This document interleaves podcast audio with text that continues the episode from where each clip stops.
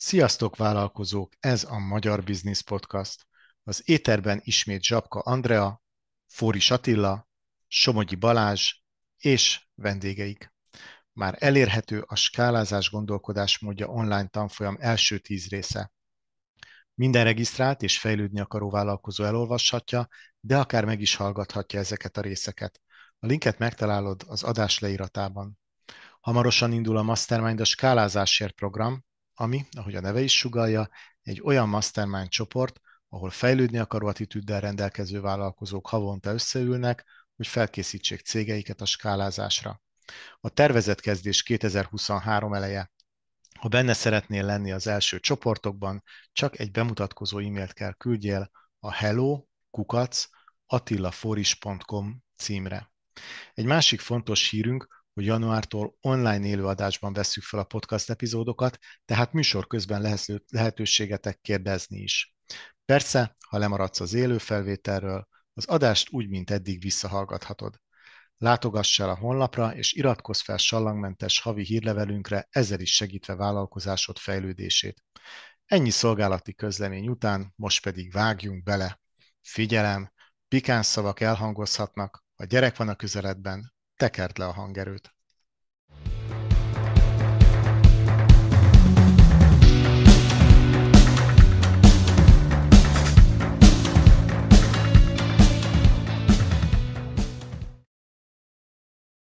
Jó reggelt, magyar vállalkozók, Foris Attila vagyok, és ez itt a Magyar Business Podcast. Mai vendégünk Fanni és Miki, és egy diverzumból, valami univerzumból fognak beszélgetni, és hát lássuk, miről van szó. Sziasztok!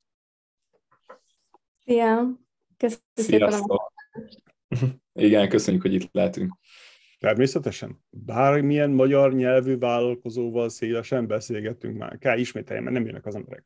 Főleg nem hölgyek, nem tudom, mi van. van furcsa, furcsa szavuk terjednek a levegőbe. Kezdjük az elején. Kik vagytok, honnan jöttetek, mivel foglalkoztatok, mi volt az első vállalkozási ötlet, stb. stb.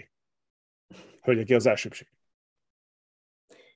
Akkor én Fanni vagyok, és um, nekem már a szüleim is vállalkozók voltak, tehát én mindig is ebben a világban mozogtam, illetve gondolkoztam. Ezek voltak azok a keretek, amiket láttam egészen kiskoromtól fogva, úgyhogy én alapvetően valószínűleg mindig is tudtam, hogy vállalkozó leszek, csak nagyon sokáig fogalmam sem volt, hogy, hogy mi is lesz ez a valami, amit, amit én meg szeretnék alkotni. És megmondom őszintén, nekem a Diverzum az első vállalkozásom, illetve mm, körülbelül tíz évesen volt egy limonádés standunk az egyik barátnőmmel, de talán az, még nem volt komoly. Ez a klasszikus vállalkozói háttérsztori a limonádés. Tökéletes, tökéletes, hát mi kell lenni? Azt... igen. De, de az első komolyabb az, az abszolút a diverzum. Meg jó belecsaptál itt a lecsóba, jó, jó, sikered le volt. Miki ja, no, sziasztok, én pedig Miki vagyok, szintén a Diverzum egyik alapítója, és nekem meg a fanével teljesen ellentétes a háttérsztorim. Én, nekem a szüleim nem vállalkozók, és a családban egyáltalán nem volt meg ez, sőt, még így a családi barátok között is kevésbé ez a vállalkozói közeg, viszont engem mindig is nagyon érdekelt ez a világ, már egészen kiskoromban most visszagondoltam, hogy ilyen 14 évesen én már Steve Jobs életrajzát olvastam, meg teljesen a, a, először az Apple, meg az Apple ökoszisztémája volt a, a nagy szerelem, és akkor így, így elkezdtem egyre inkább olvasgatni így a szilíciumvölgyi startup világról, de mindig is tudtam, hogy vállalkozó szeretnék lenni, de úgy olyan elérhetetlennek tűnt, mert nehéz volt elképzelni, hogy én valamit csinálok, és ezért az emberek pénzt fizetnek. Mm, mm, még, a, még általános iskolában is próbálkoztam, ilyen volt iskolaújságunk, mondjuk azért tényleg fizettek, csak nem, nem sokat, Kabóca volt a neve, és azt hiszem, hogy 80 forintért árultuk.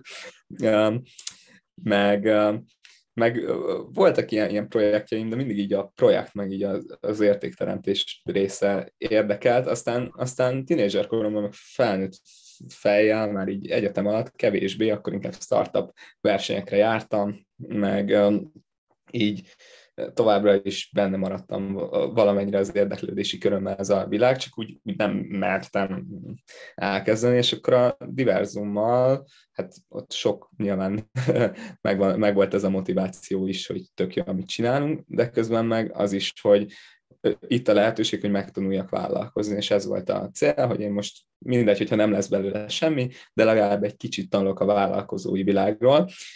Hát most így kijelenthetjük, hogy ezt, ezt a tanulási dolgot ezt picit túltoltam, de még mindig Olyan nincsen. Ne arra, de olyan szerintem nincsen, míg élünk kell, kell tanuljunk ideális esetben. Ja, persze, ez, ez abszolút. Úgy értem, hogy ez már túljött azon, hogy, hogy de jó, egy picit belelátok, okay. és most már... Hát, igen, most már, most már inkább az a, az a nehéz, hogy ezen kívül gondolkozni, és, nem a, és az, hogy ne a diverzumon kaptogjak egész nap. Uh, nyilván jó értelemben, mert így vágyjuk csinálni, szerintem ezt mindkettőnk nevében elmondhatjuk. Úgyhogy így alakult, és igen, hogy mondod, uh, azt érzem, hogy, hogy tényleg minden nap tanulunk valamit, és ez, ez nagyon-nagyon sokat ad. Tehát azt már biztos, hogy nem veheti el tőlünk senki azt a tudást, amit, meg készségeket, amiket így magunkra szedtünk az elmúlt másfél évben. Igen, egyetértek. Tanulni kell.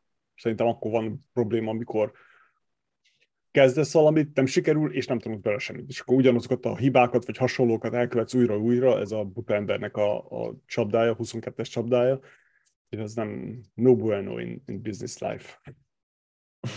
Hú, ezt jól összeraktam. Hat a kávé. Oké, okay, és akkor nálad, Miki, nálad volt valami, valaki vállalkozó a háttérben, családban, vagy csak ez így, te úgy születtél, mint én, hogy én is vállalkozó akartam lenni 8 évesen? Nem, tehát abszolút nem. Én, én teljesen, teljesen így képzeltem el magam.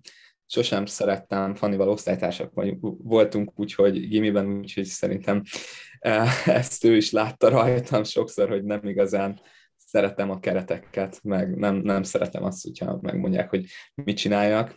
Mindig is ilyen lázadó, lázadó kisgyerek voltam, ami nem feltétlenül volt mindig egy, egy hatékony életvezetési stratégia, viszont, viszont ez vezetett engem arra, hogy, hogy tényleg ez a, a klisével élve saját magam főnöke legyek.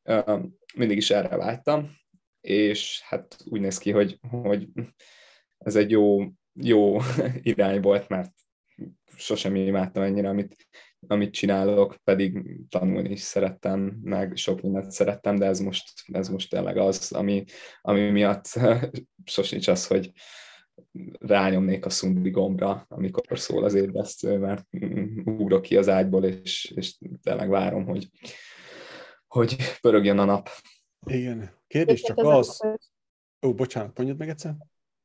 Hogy egyébként ez a vicces, hogy pont a Mikivel való barátságunk is egy ilyen lázadásból indult, úgyhogy valahol sorszerű volt, hogy... Ó, oh, meséltek, meséltek, ez izgalmasabb, mint amit akartam mondani. ez úgy történt, hogy földrajzórán ültünk, én a leghátsó sorban a barátnőimmel, és hát nem igazán szerettem jegyzetelni.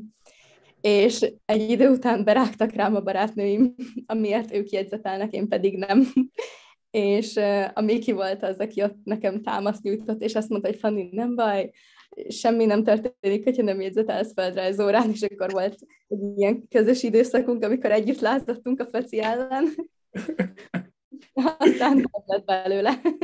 Igen, aztán nekem végül sikerült földrajzból emelt szintű érettségiznem, úgyhogy én, én feladtam ezt a lázadást egy ilyen két évvel később, de akkor ott Fannival elindult valami közös. És van itt, te kinőtted ezt a lázadási korszakot? Um, mm, valamilyen szempontból nyilván felnőttem, tehát már nem úgy lázadok, mint régen, viszont az, hogy, hogy ne csak a meglévő keretekben gondolkozzak, az szerintem még mindig jellemző. Nagyon jó, kell is. Szerintem nem szabad felnőni. Akkor hal meg a lelked. Meg kell tanulni felnőttként viselkedni, de nem felnőni. Igen, ez érdekes. Akkor nálatok a, a hormonális, a tinédzseres hormonális túltengés, ez ilyen egyszer következett be, és akkor egymásra találtatok.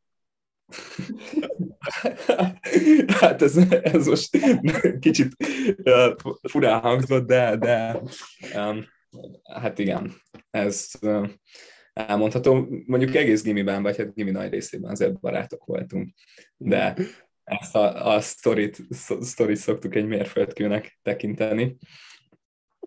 Jó, az, én csak azért basaságok, mert én is ugyanígy voltam, hogy én is megkérdeztem mindenkit, és azt hogy fú, én mindenkivel ellentmondok, meg izé, hogy, hogy ellenséges vagyok. Pedig nem, én csak egyszer megkérdeztem. Mindig azt, azt tettem fel, hogy mi lenne, ha.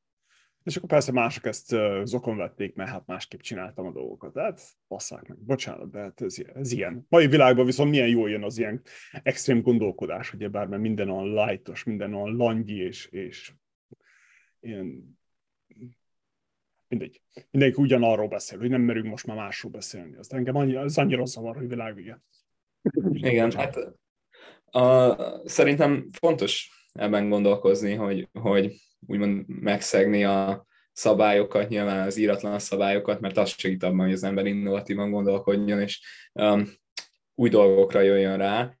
Egyszer a mentorunk mondta valamivel kapcsolatban, és ez nagyon megragad bennem, hogy egy startup feszegeti a határokat, és amikor azt érzem, hogy na most valami hülyeséget fogok csinálni, vagy ilyen olyan hülyeséget, ami merész és kockázatos, de lehet, hogy jó, jó lesz a végén, mindig elmondom magamnak, amikor eszembe jut, hogy jaj, ezt lehet, hogy nem kéne, hogy egy startup feszegeti a határokat, és ez, ez um, jó, általában ennek jó a vége, ilyen helyzetek például az, hogy egy nagyon fontos ember, akivel beszélgetni akarok, mondjuk ott van egy rendezvényen, és körülveszik öten, de én mindenképpen beszélgetni akarok vele egy adott témáról, akkor nyilván ott van az emberben egy kis bátortalanság, hogy 20 évvel fiatalabban és 20 évvel kevesebb tapasztalattal így oda sétálni hozzá, ez lehet, hogy tehát lehet, hogy abszolút nem érdekli az, az, amit csinálunk, vagy az, amit mondani szeretnék neki.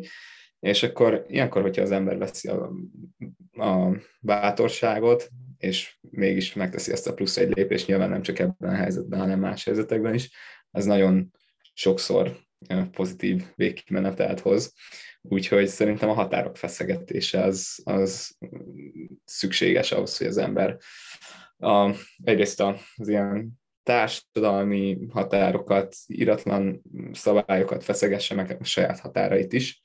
Úgyhogy, úgyhogy én, én szerintem is hasznos, hogyha benne marad ez a gondolkodás az emberben a gimin meg a földrajz órán túl is. Igen. Jó van, és akkor kezdjük a szakmai élettel. Befejeztetek a, a gimit, és akkor utána mentetek valami egyetem, vagy, vagy valami hasonló felső oktatásba, vagy csak egyenesen puff bele a diverzumhoz kész? Mm, kezdem akkor én, én az eltén tanultam, és két szakot csináltam egyszerre, mert hát ugye miért ne? Mert lázom lesz. Igen. Egyébként ez most lehet durván hangzik, de uh, amúgy a nemzetközi tanulmányokat és a szociológiát csináltam, és azért azt éreztem, hogy ezt a kettőt lehet egymás mellett csinálni, sok volt az átfedés is, úgyhogy, úgyhogy ezért nem kellett belehalnom. Viszont én azt mindig is tudtam, hogy ezeket azért csinálom, mert nagyon érdekel, nem azért, mert utána feltétlenül ezekben a, um, ezeken a területeken szeretnék elhelyezkedni.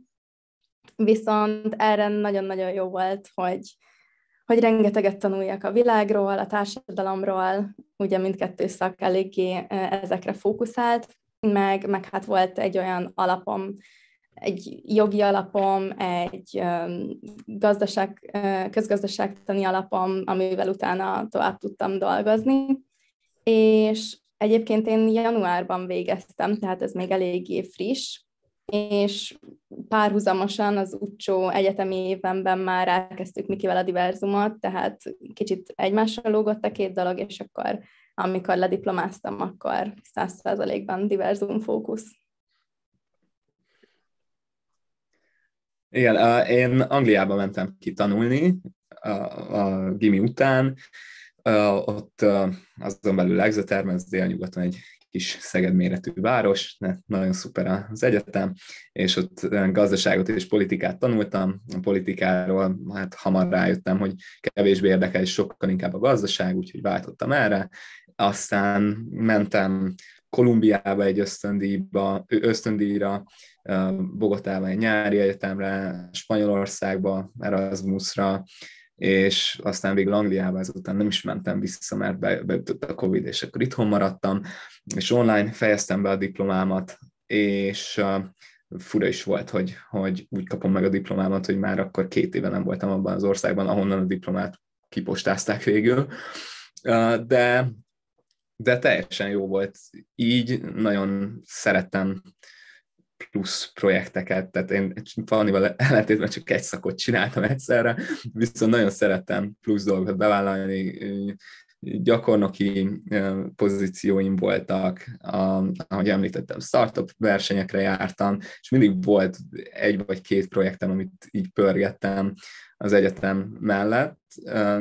Erre, erre egyébként nagyon jó volt az, az angol száz oktatási rendszer, mert rengeteg ilyen lehetőség volt, volt ilyen startup per vállalkozói kör, és akkor ott, ott, ott aktívkodtam elég sokat, és volt is egy, egy startup projektem, ami aztán, amikor mm, kimentem Spanyolországba, akkor, akkor az úgy, úgy behalt, de, de az is sok mindenre megtanított, és akkor a Covid alatt csináltam az utolsó évemet, és akkor, um, akkor itthon voltam, tökre unatkoztam, be voltunk zárva, ez ilyen 21 március környékén volt, akkor volt a legdurvább a helyzet, és akkor, és akkor uh, elkezdtük a diverzumot még az elején egy ilyen startup verseny keretében, aztán pedig tovább vittük az ötletfázisba, miután nyertünk egy díjat, és, és akkor így indult be a dolog. Aztán elkezdtem az Amsterdami Egyetemen egy, egy kurzust, de közben már felpörgött a diverzum, felpörgött, ez azt jelenti, hogy volt nagyjából ezer felhasználónk, ami a mostanihoz képest azért, azért nem sok, és én akkor bejelentettem a szüleimnek, hogy na, én akkor ezt akarom csinálni, mert ez tök jó, és, és hogy akkor én nem mennék ki Amsterdamba mesterre, akkor ott nyilván, nyilván volt egy kis volt egy kis őszülés így a, a családban, hogy erre azért így nem számítottak, de én már akkor is nagyon hittem ebben, valószínűleg teljesen naivan, és vagy hát Fannival együtt hittünk, valószínűleg teljesen naivan, mert akkor még tényleg gyakorlatilag semmi nem volt, ez tavaly december környéke, és hát hál' Istennek ez, ez végül is egy jó ötletnek minősült a végén, mert hogy, mert hogy azért februárban már így, már így elég szépen elkezdett beindulni a, a diverzum, és, és elkezdtük full-time csinálni, az elején még minden pénzt visszaforgattunk, tehát abszolút ilyen megtakarításokból, Lean. tényleg túlélés, startup rendezvényekre jártunk, ahol volt ingyen kaja, tehát így, így próbáltuk átvészelni a dolgot. Szerencsére ezen a korszakon már túl vagyunk. Az egy elég kemény fél év volt. De... de... Az ingyen kaja az még mindig jó. Az még mindig, persze, persze. Részben a tanulás miatt csináljuk, részben az ingyen kaja miatt. Azt úgy Ez nagyon jó. A pénz meg kinek kell, mi? Ja, persze. Ez nagyon tetszik, mert minden, minden vállalkozónak próbálom azt mondani, hogy a pénz az utolsó, amire gondoljál. Amikor, amikor azzal kezded a pénz, akkor a többi valahogy úgy elhomályosul, a háttérbe szorul, hogy most probléma megoldás, meg vállalati stratégia, meg mit tudom én, ilyen, ilyen ingyenségek. Úgyhogy jó úton haladtok. Hát igen, igen, főleg azért egy startupernek, ugye ez uh, nyilván minden vállalkozás formában uh, máshogy néz ki, de hát az elején még uh, nincsen profitergó, nincsen osztalék, illetve hát magas fizetés sem vesznek fel általában a, az alapítók, mert hogy befektetésből is működünk. Nyilván az is tök oké, okay, meg teljesen védhető, hogyha valaki felvesz egy magasabb fizetést, ez az adott befektetőtől függ, de egyszerűen, egyszerűen nem feltétlenül éri meg, mert akkor annál több bet költ az ember magára, és annál kevesebbet fejlesztésre, marketingre, illetve a csapat bővítésére. Úgyhogy úgyhogy szerintem egy startupernek az a jó hozzáállás, hogyha szeretné a megtérülést, de tisztában van vele, hogy ez nem az elején lesz, és nem is mm, egy-két évvel később, hanem majd, majd a vége felé. Tíz év. És ez szerintem főleg fiatalon teljesen jó, tehát ezért jó, hogy fiatalon kezdtük, mert eh, nincsen családunk, macskánk, szobanövényből is viszonylag kevés, amikért, akikért felelősséget kell vállalni, és így azért sokkal nagyobb szabadságunk van abban, hogy, hogy mindent beletegyünk, minden energiánkat és önfeláldozásunkat, és szerintem ez, ez szuper. Tehát le a kalappal azok előtt, akik egyébként család mellett felfutatnak egy vállalkozást, mert az biztos, hogy keményebb. Igen, mindenhol megvan, mindegyiknek megvan az előnye, meg a hátránya, de igen, igen, az biztos. És akkor kezdjük az a, de csak pár gondolat még így, még így beültlött, hogy nekem csak most esik le, hogy mekkora korkülönbség van, hogy most érzem borzasztóan öregnek magam. Pedig általában nem szoktam, de ez így most végeztetek, ez ilyen, what the fuck. Na mindegy, de, örülök neki, hogy vannak ilyenek, és, és jó úton haladnak, és főleg Kis Magyarországról, és stb. stb. És ez is csak azt mutatja, hogy az attitűd mennyire fontos. Ami szerintem az, az a lelke az egész vállalkozásnak, a többi az csak kifogás, vagy, vagy környezeti hatás, de maga az attitűd, a hozzáállás. Akkor te Mikita jól bejártad a világot, azért Kolumbia, meg, meg Norvégia, meg ilyen dolgok, azért ez így szép, ez így szép dolog volt. Norvégia, de... Norvégia az funny volt. Ó, bocsánat, ah. bocsánat, igen, igen, igen. igen. Ott hozzám tartozik, igen. bocsánat, De keverem. Mindent bejártunk. De így kell, szerintem így kell, ez, ez a legtutibb, mikor lát, legalábbis rám ez volt a legnagyobb hatás, amikor azt láttam, hogy hogyan lehet másképp csinálni. Nem az a lényeg, hogy most melyik a jobb, ugye mindig erről szólnak a viták, hanem az, hogy másképp is lehet csinálni. És ez ilyen, wow, hát igen. Mert van, van különbség, én is látom ugye bár itt Tamcsiba, hogy köszönöm, itt még a kék, az ég is más, más, kék, más kék árnyalata van. Szóval annyira másképp csinálják a dolgokat, és nem tudom megmondani, pedig itt ülök már, már több mint tíz év, de nem tudom megmondani, hogy most melyik a jobb, vagy melyik a rosszabb. No, van előny, meg, meg a hátrány a dolgoknak. De mindegy, más, máshova tartozik. Beszéljünk arról, hogy maga a diverzum ötlet, az első, nem tudom ki, pár hónap, vagy pár lépésről, hogy honnan jött az ötlet, hogyan csináltatok piackutatást, ha volt egyáltalán? Ho, hol, hogy neveztétek ezt el? Ez milyen diverzum, univerzum tudsz? Ez, nekem mind üveljük fel, hogy valami diversifikált univerzum izé van a fejembe, de majd ti elmesélitek.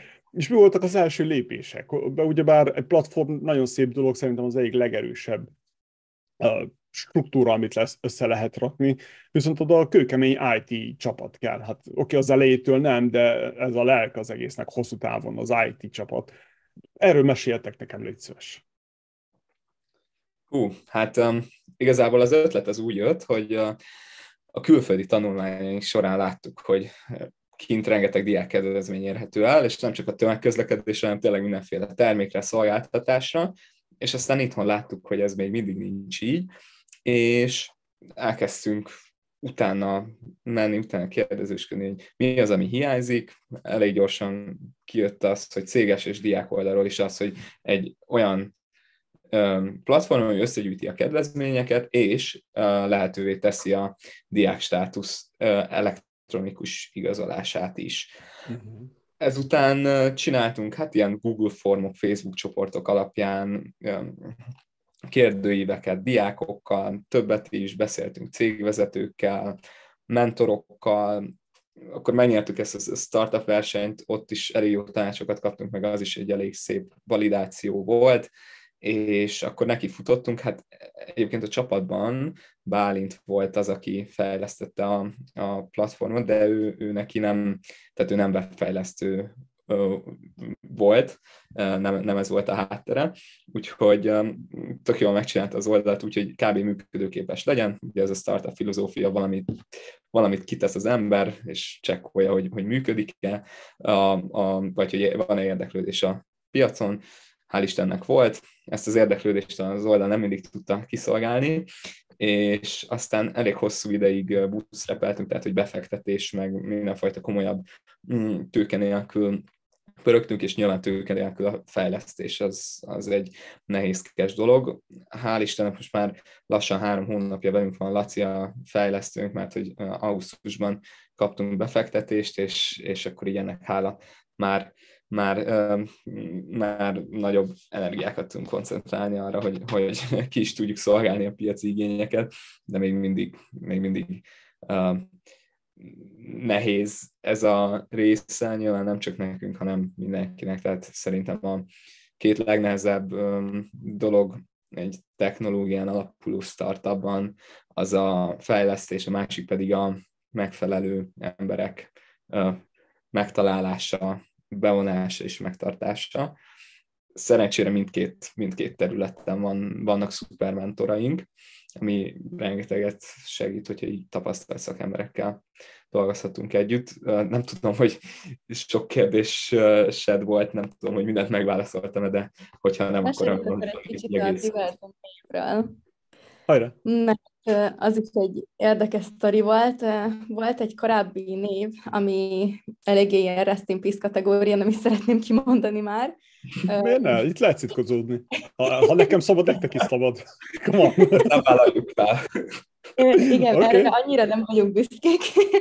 Okay. Nem, nem volt a legjobb választás, de hála az égnek erre rá is jöttünk még az igazi nagy lancsolás előtt, úgyhogy elkezdtünk új névben gondolkozni, és aztán végül is ugye diák kedvezmények, ez a diákoknak szól, akkor miért ne csináljunk egy diákuniverzumot, de, de az hosszú is, meg, meg nem annyira szexi, és aztán összevontuk a kettőt, és így lett a diverzum. Oké, okay, oké, okay, így érthető, így érthető. Igen, de ez nem annyi volt, mint, mint hogy ez Fanny elmondta, őszintén itt olyan túlgondolások mentek, tehát két hónapon át írogattuk fel a kulcsszavakat, vontuk őket össze, tehát hogy ez, a, ez ilyen mérhetetlenül kínosan hosszú és túlgörcsölős dolog volt, de tök elégedettek vagyunk a névvel, úgyhogy végső soron működött. Jó, jó, jól hangzik. Van, egy, van egy, egy olyan, nem tudom, jó hangzása, az diverzum, olyan jó erős, ugye bár az a D betű benne. De jó, hát jó, köszi jó. Természetesen. És akkor hányan vagytok egyáltalán most a csapatban, mert, mert hányan alapítottátok? Hogy volt ez, ez akkor? Azt mondom, hogy csak ti ketten, nem tudom, az jött le nekem, hogy csak ti ketten vagytok alapítók. Hogy hogyan sikerült másokat belefűzni ebbe? Igen, alapvetően ketten vagyunk azok az alapítók, akik még mindig itt vannak. Ugye a Bálintal, ami említette a Bálintot, vele indultunk el, és, és ezért ő is megmaradt még így alapítói minőségben, viszont ő azóta a külföldre kiment tanulni, tehát már, már tőle így el kellett búcsúznunk. Viszont az új csapattagokat pedig már a befektetésnek hála tudtuk, tudtuk megtalálni, és így vagyunk most összesen hatan a csapatban. Oké, mm, oké. Okay, okay.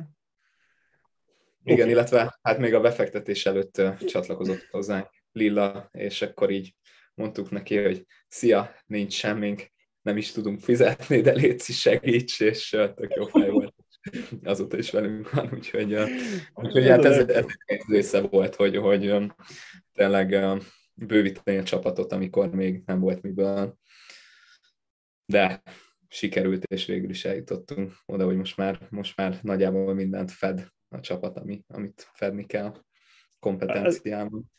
Ez, ez a legjobb, mikor, mikor azt mondod, hogy te nem tudok pénzt adni, de gyere, és akkor jönnek az emberek, és akkor úgy megáll az élet, hogy úristen, ilyen is van, hogy ekkora hatással tud lenni egy ötlet az emberre, vagy valakinek csak a szenvedélye, hogy beszél valamiről, ez annyira fantasztikus azért. És igen, itt látszik, hogy maga a kultúra mennyire fontos, mármint a vállalati kultúra. Tetszik. Oké, okay, piackutatás. Honnan jött ez? Csak újni, csak formokat kitöltögettek az emberek, és akkor hány, hány választ kaptatok erre, és mi volt a konklúzió, hogy most ebből, ebből érdemes erre felett menni, vagy úgy voltatok vele, hogy a fuck it, csináljuk, az kész, vagy? Hát valahol a kettő között. Um, nem, tehát nem volt egy ilyen végtelenül reprezentatív és professzionális kutatás.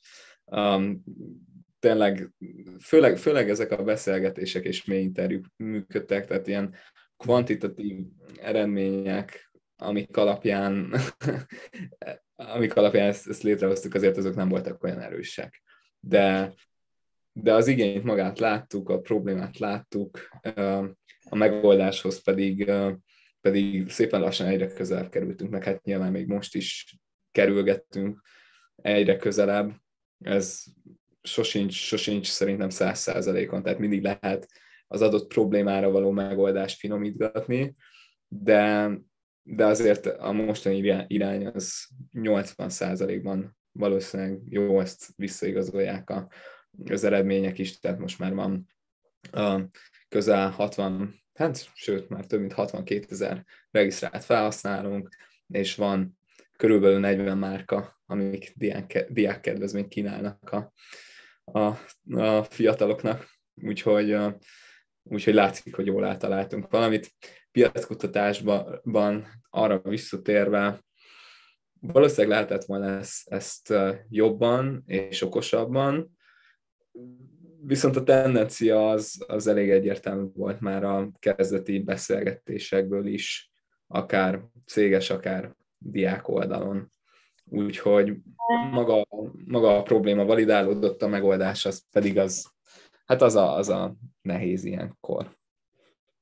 Ja, ehhez még talán azt fűzném hozzá, hogy ugye mi is egyetemisták voltunk még az elején, és, és így, hogy a saját célcsoportunkba tartoztunk bele, azért mi is éreztük magát a problémát, illetve szerintem már az ötlet előtt is voltak olyan beszélgetéseink, amik utólag visszagondolva végül is ugyanezt a problémát vetették fel, hogy egyetemistaként nehéz fenntartanunk magunkat, és, és aztán szerintem az igazi validációt azt talán az adta, amikor először kitettük a honlapot, és, és meséltünk erről így a nagy közönségnek, és, és az a feedback, az a rengeteg komment, a rengeteg üzenet, ami érkezett, hogy ez mennyire király, és, és még ezt szeretnék, meg azt szeretnék látni a honlapon a diákok, az, az validálta igazán az ötleted.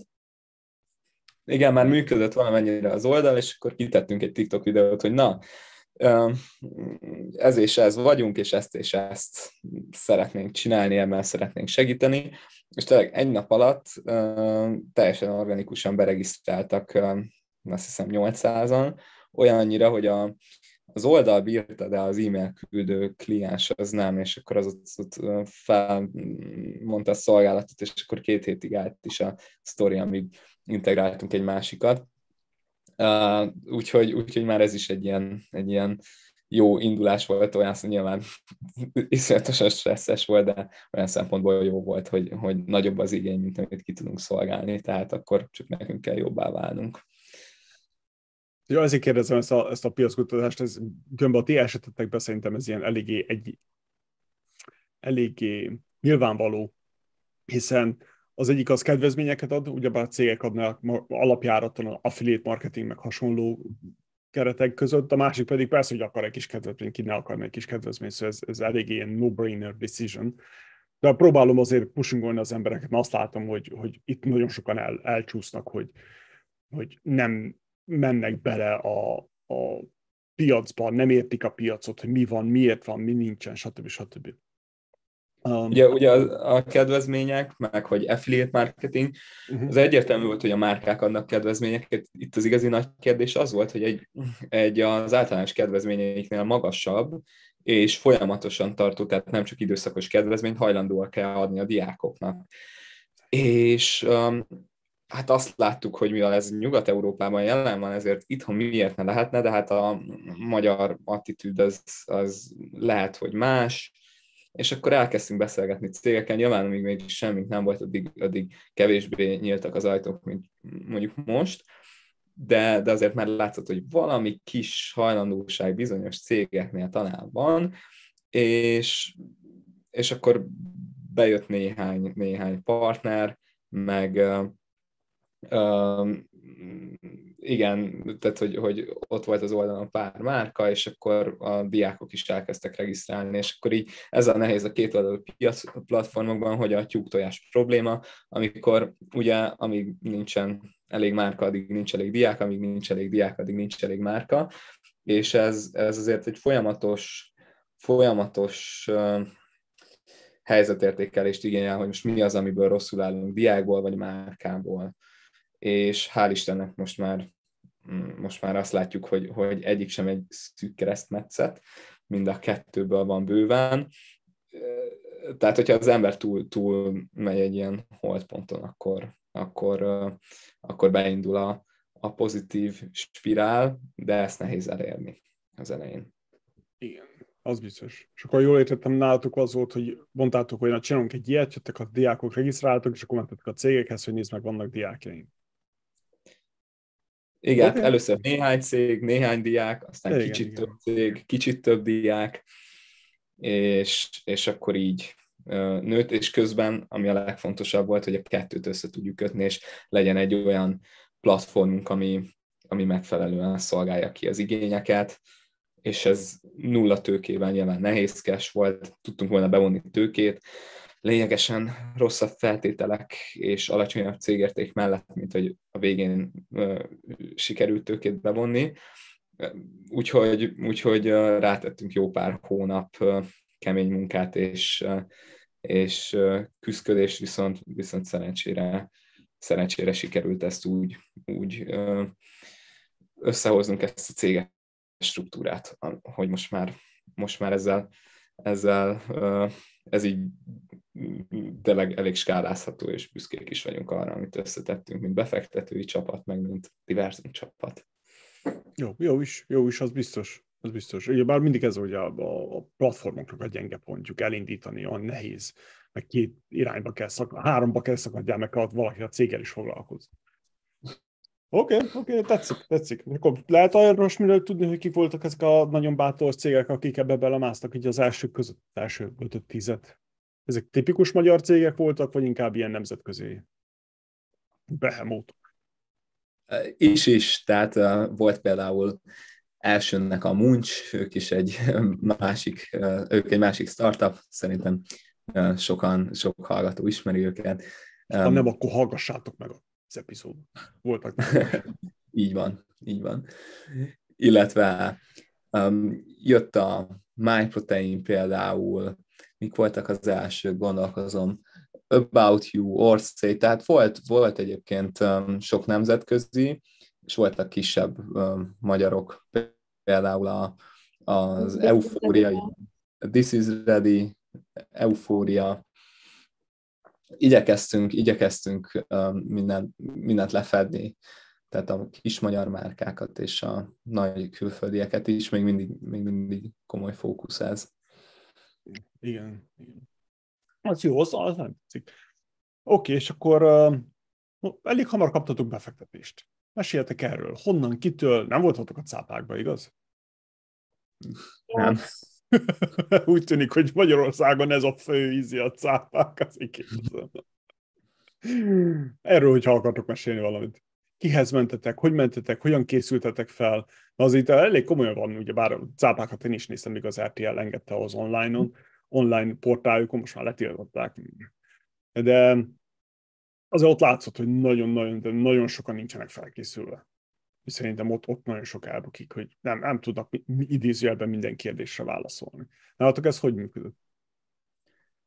Az elején is um, leginkább rendezvényeken találkozgattunk befektetőkkel, um, akár itt a KNT inkubációban voltak olyan események, amik direkt erre voltak, hogy, hogy a startupok uh, találkozhassanak befektetőkkel, és, és oda vittük el tulajdonképpen a pitchünket, ami nyilván az elején még, még nem volt olyan formában, mint amilyenben már most megvan, viszont elindultak bizonyos beszélgetések, legalább láttak minket, mi is láttuk őket, elkezdtünk kicsit mocorogni, és aztán, aztán egyébként a Munch kötött össze minket a legelső angyalbefektetőnkkel, akivel végül is le is zártuk az első kört többek közt. Úgy, úgyhogy így, így mozgolottunk. Miki, mit tennél még hozzá? Hát igen, tehát végül, uh, jól mondja Fanni, végül három befektetőnk volt. Volt Torkál, ő volt az első érdeklődő, és svéd angyal befektető, és uh, Verő Barbara is szintén elég aktív angyal mentor a magyar startup ökoszisztémában, illetve hát a vezető befektetőnk az MKB Fintech Lab volt, úgyhogy így, így megvolt ez az intézményes vonal is, és az angyal, angyalok is, ezzel tényleg azt érezzük, hogy nyilván nem csak a pénz ilyenkor a fókusz, hanem az is, hogy szakmai tőkét vonjon be az ember, és, és szakmai segítséget kapjon. Az ilyen, ilyen tapasztalt üzletemberektől, illetve, illetve szervezetektől, és hát ez maximálisan sikerült, tehát igazából az államcsapat jött össze, úgyhogy ez nagyon, ez nagyon szuper, és tényleg rengeteget segítenek. Úgyhogy ez egy, ez egy, ez egy pozitív sztori lett. Azt, hogy hamar sikerült tőkét bevonnunk, azért annyira nem, nagyjából másfél évvel az, az ötletfázis, tehát az első gondolat kipattanása után sikerült. Mm, nyilván megtörténhetett volna ez hamarabb, viszont akkor nem ilyen szakmai csapattól, és nem ilyen mm, jó minőségű tőkét, és nem ilyen magas cégértéken sikerült volna.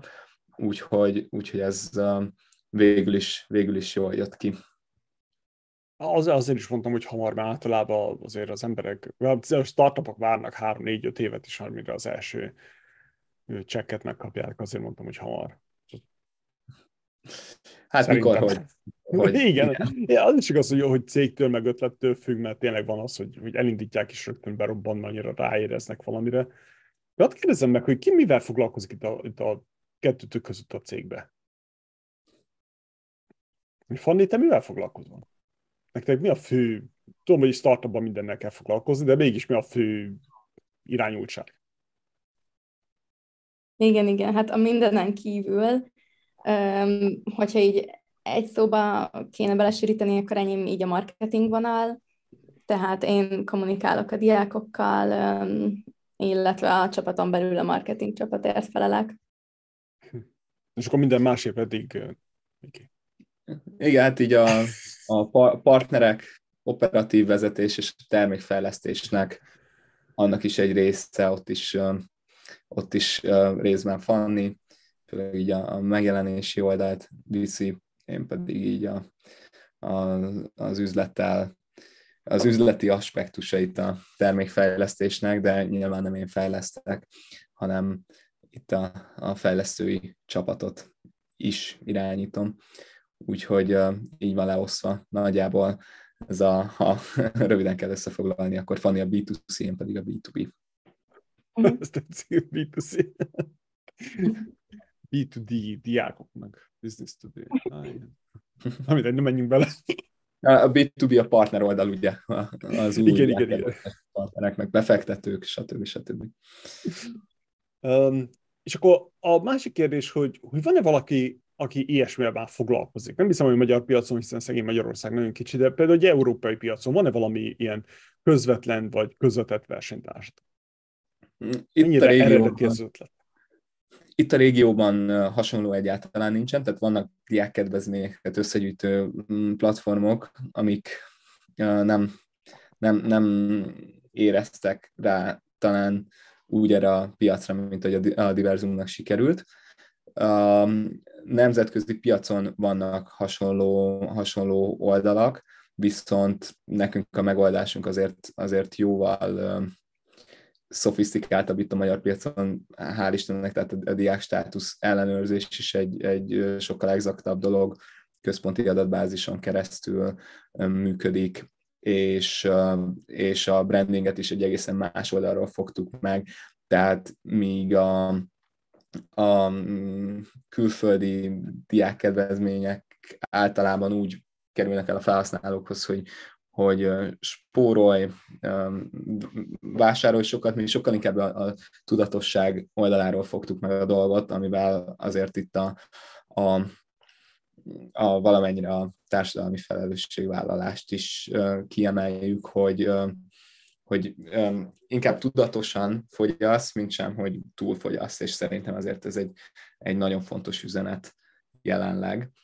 Úgyhogy uh, hasonló megoldások vannak, de olyan megoldás, mint amilyenk uh, itt a régióban egyáltalán nincsen, Nyugat-Európában sem igazán, vagy ott sem úgy, ahogy mit csináljuk.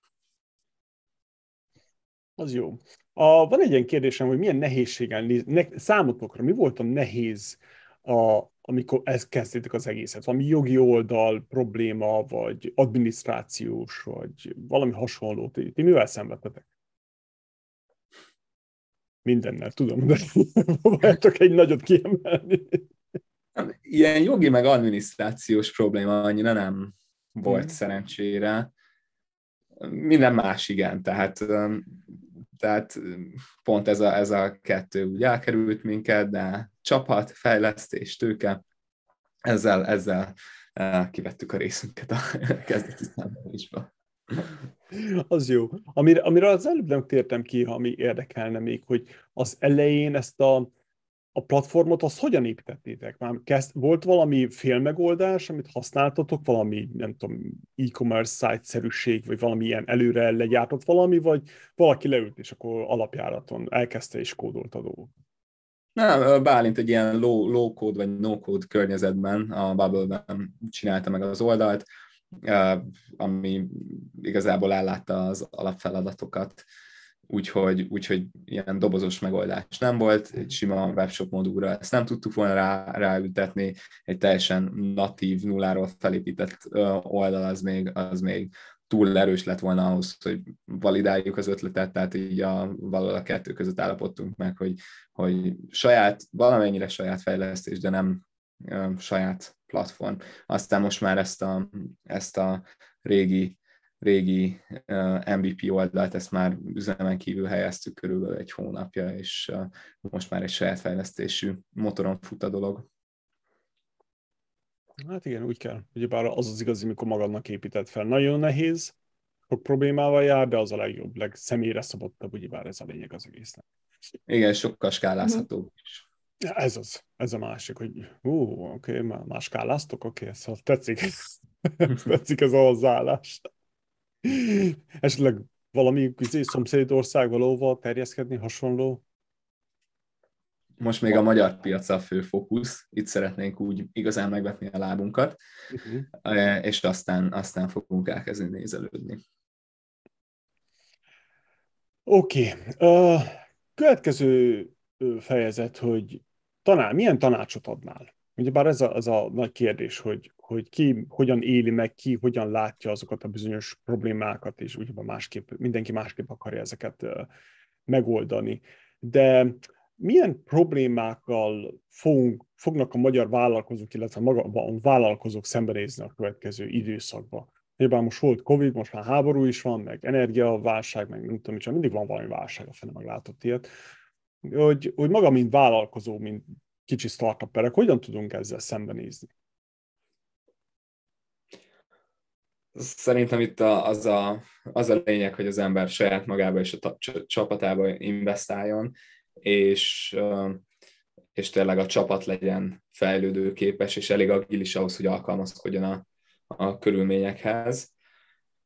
Szerintem ilyen szempontból mi szerencsések vagyunk, hogy pont egy olyan megoldással jöttünk elő, ami, ami nem, nem, nem csak, hogy a válság ellenére működik, hanem pont, hogy választod arra a problémára, amivel az emberek nagy része most szembenéz, és ezért is mm, alakulhatott így, hogy, hogy február és a mai nap között a, beregisztráltak 60 ezeren, és tényleg már így a, az utunk elején a, a piac 10%-a tehát a diákok 10%-a regisztrált már, úgyhogy ilyen szempontból milyen egy szerencsés helyzet, de szerintem, szerintem itt, itt az, az számít, hogy az ember adaptálódjon, azért nekünk is sok dolgon faricsálni kellett, illetve változtatni a, a piaci körülmények miatt.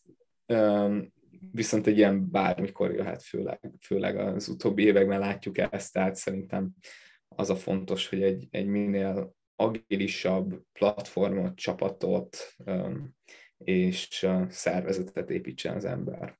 Mert más, minden, minden egyes esetőségre nem lehet felkészülni, viszont fel lehet készülni az esetleges változásokra. Igen, attitűd. Attitűd, attitűd is. cégi vállalati kultúra. Az biztos, hogy ez, úgy tűnik, hogy ez a lelke mindennek. Nyilván csak emberből vagyunk, hiába vagyunk vállalkozók, meg, meg probléma, meg, meg számorientált, mert ugye valami számokkal kell mérni a dolgokat, KPI, meg hasonló, de mert akkor is attitűd, hogy hogyan oldod meg, mennyire vagy rugalmas, stb. stb. Mindig ide jutkodunk ki. Um, Oké, okay. milyen tanácsot adnátok egy kezdő vállalkozónak, vagyis egy, egy startup pernek, startup alapítónak, hogy, hogy hol kezdje el, főleg Magyarországon, így bár kicsi ország, kicsi a befektetés, stb. stb. Mire figyeljen oda, mi az a gyenge pont a startup világban, ami, amiről kevesen beszélnek például?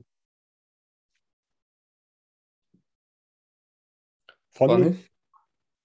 Um, nekem most ami eszembe jutott, hogy hogy az például tök fontos, hogy mondjuk amikor van egy ötleted, az, az ne egy olyan megoldás legyen, amihez még nincs probléma. Tehát, hogy sokszor azt látom bizonyos ötleteknél, hogy van egy megoldás, és utána a köré építik fel a problémát. És ez, ez nem feltétlenül jó alap, hiszen, hiszen kell egy valós probléma, egy való, akár társadalmi, akár bármilyen más probléma, amire utána egy választ adsz, és nem pedig fordítva.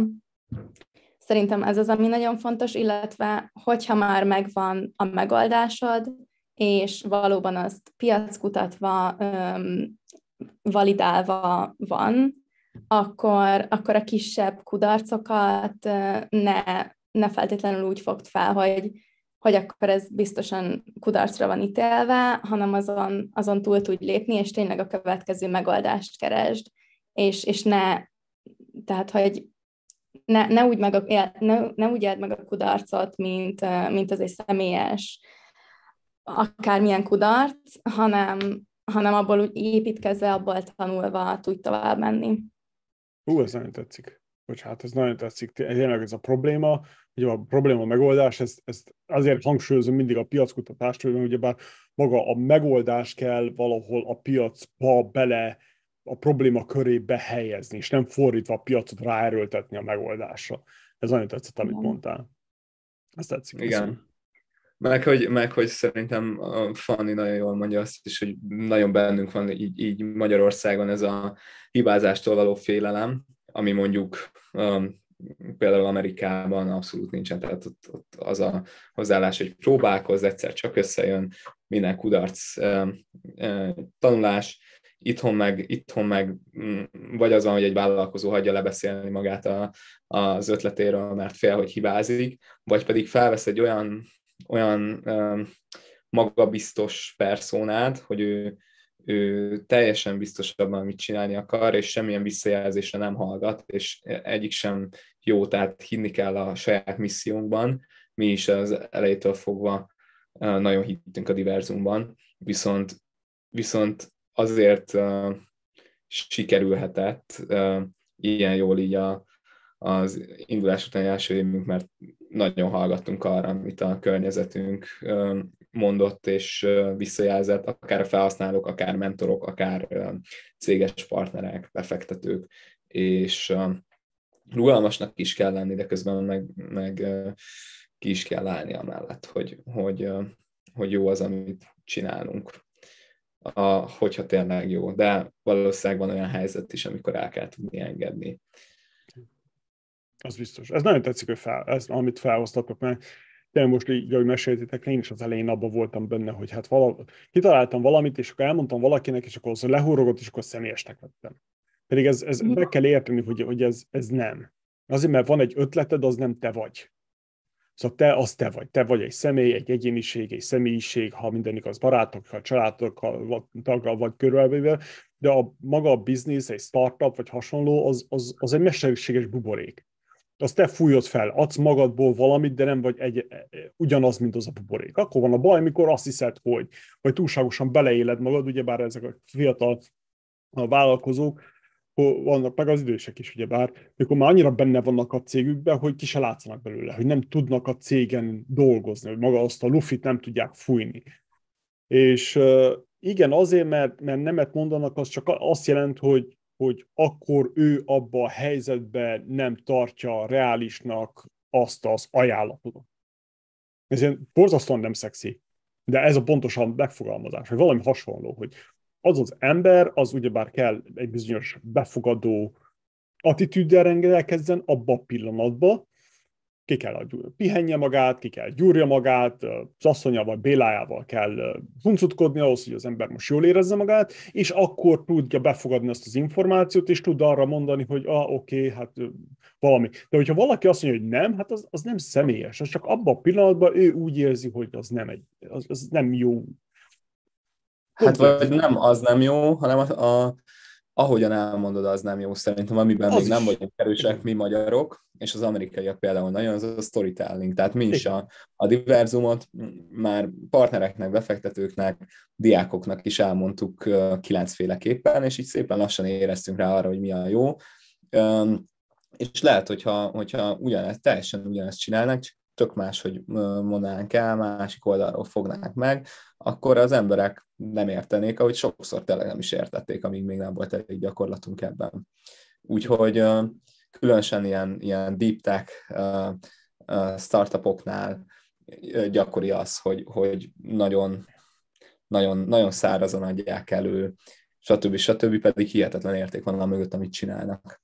Igen, hogy belemennek a részletekbe is, és tényleg volt egy könyv, most hétre nem jut eszembe is, az a lényeg. Az volt a lényege a startupereknek, valósz, az üzenet az volt a könyvnek, hogy ha nem tud úgy elmagyarázni, hogy a 90 éves, 90 éves nagyi, vagy a 6 éves fiad, gyereked, unokölcsét, akárki megértse, akkor rossz úton haladsz. És ez a lényeg az egésznek, hogy olyan, annyira leegyszerűsíteni, persze ez a nehézsége is a dolognak, hogy egy ilyen komplex, bonyolult dolgot annyira leegyszerűsítsél, hogy most megértsék. Ezért van például az az elevator pitch. Igaz? Tíz szó.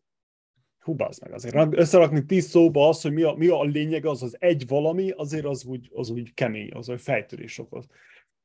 Erre például szerintem nagyon jók a, a startup versenyek. Másra nem, szerintem hülyeség, meg, meg időpazarlás, de erre például nagyon jó a startup versenyek, hogy ezt gyakorolni és gyakorolni és gyakorolni.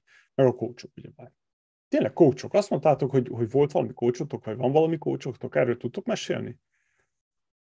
Uh-huh. persze. Persze, igen, több, több mentorunk is van, illetve több coachunk is. Eleve a befektetésnél is tök fontos volt az, hogy, hogy mindenképpen um, olyan embereket vonjunk be, akik smart money és utána tudják segíteni az utunkat, illetve a kezdetektől um, tök sok segítséget kaptunk mentoroktól, amik szerintem elképesztően hasznosak voltak, um, és, és nagyon sok mindent tanítottak, meg, meg úgy vezetgettek az utunkon, és rájuk mai, mai napig hallgatunk. Nyilvánvalóan van um, egy alap um, elképzelésünk a Mikivel, és, uh, és ezért emellett is szeretünk um, kiállni, meg, meg azt végigvinni, amit mi a diverzumról gondolunk, viszont, viszont ezek a visszajelzések főleg nálunk sokkal tapasztaltabb emberektől elképesztően hasznosak.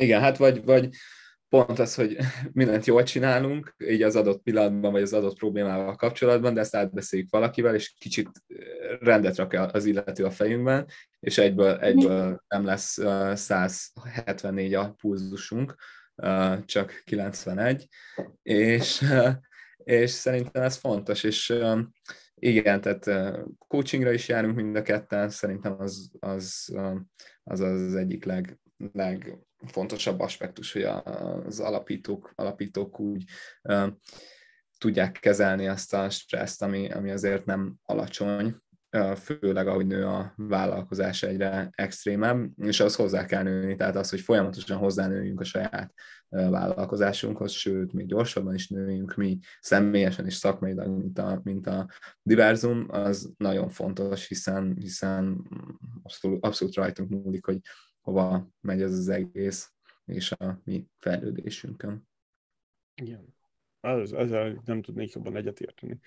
Nagyon fontos ez, hogy van egy ilyen rémhír a Silicon völgyében, hát jó pár éve jött már ki, hogy 18 ahogy bejött az első befektető, komoly befektető, nem angyal, a 18, általánosságban 18 hónapon belül a nem tudom, 60-70 százalék az alapítókat, azokat kipaterolták a vezetői szerepből és akkor úgy állították be, egy ilyen dokumentumfilmben láttam, hogy úgy állították be az egészet, hogy hát milyen gonoszok a befektetők. Pedig nem, csak egyszerűen borzasztóan nehéz az a gondolkodásmód, hogy most egyik egyik pillanatban mindent te csinálsz, te vagy a marketinges, az HR-os, a termékfejlesztő, stb. stb.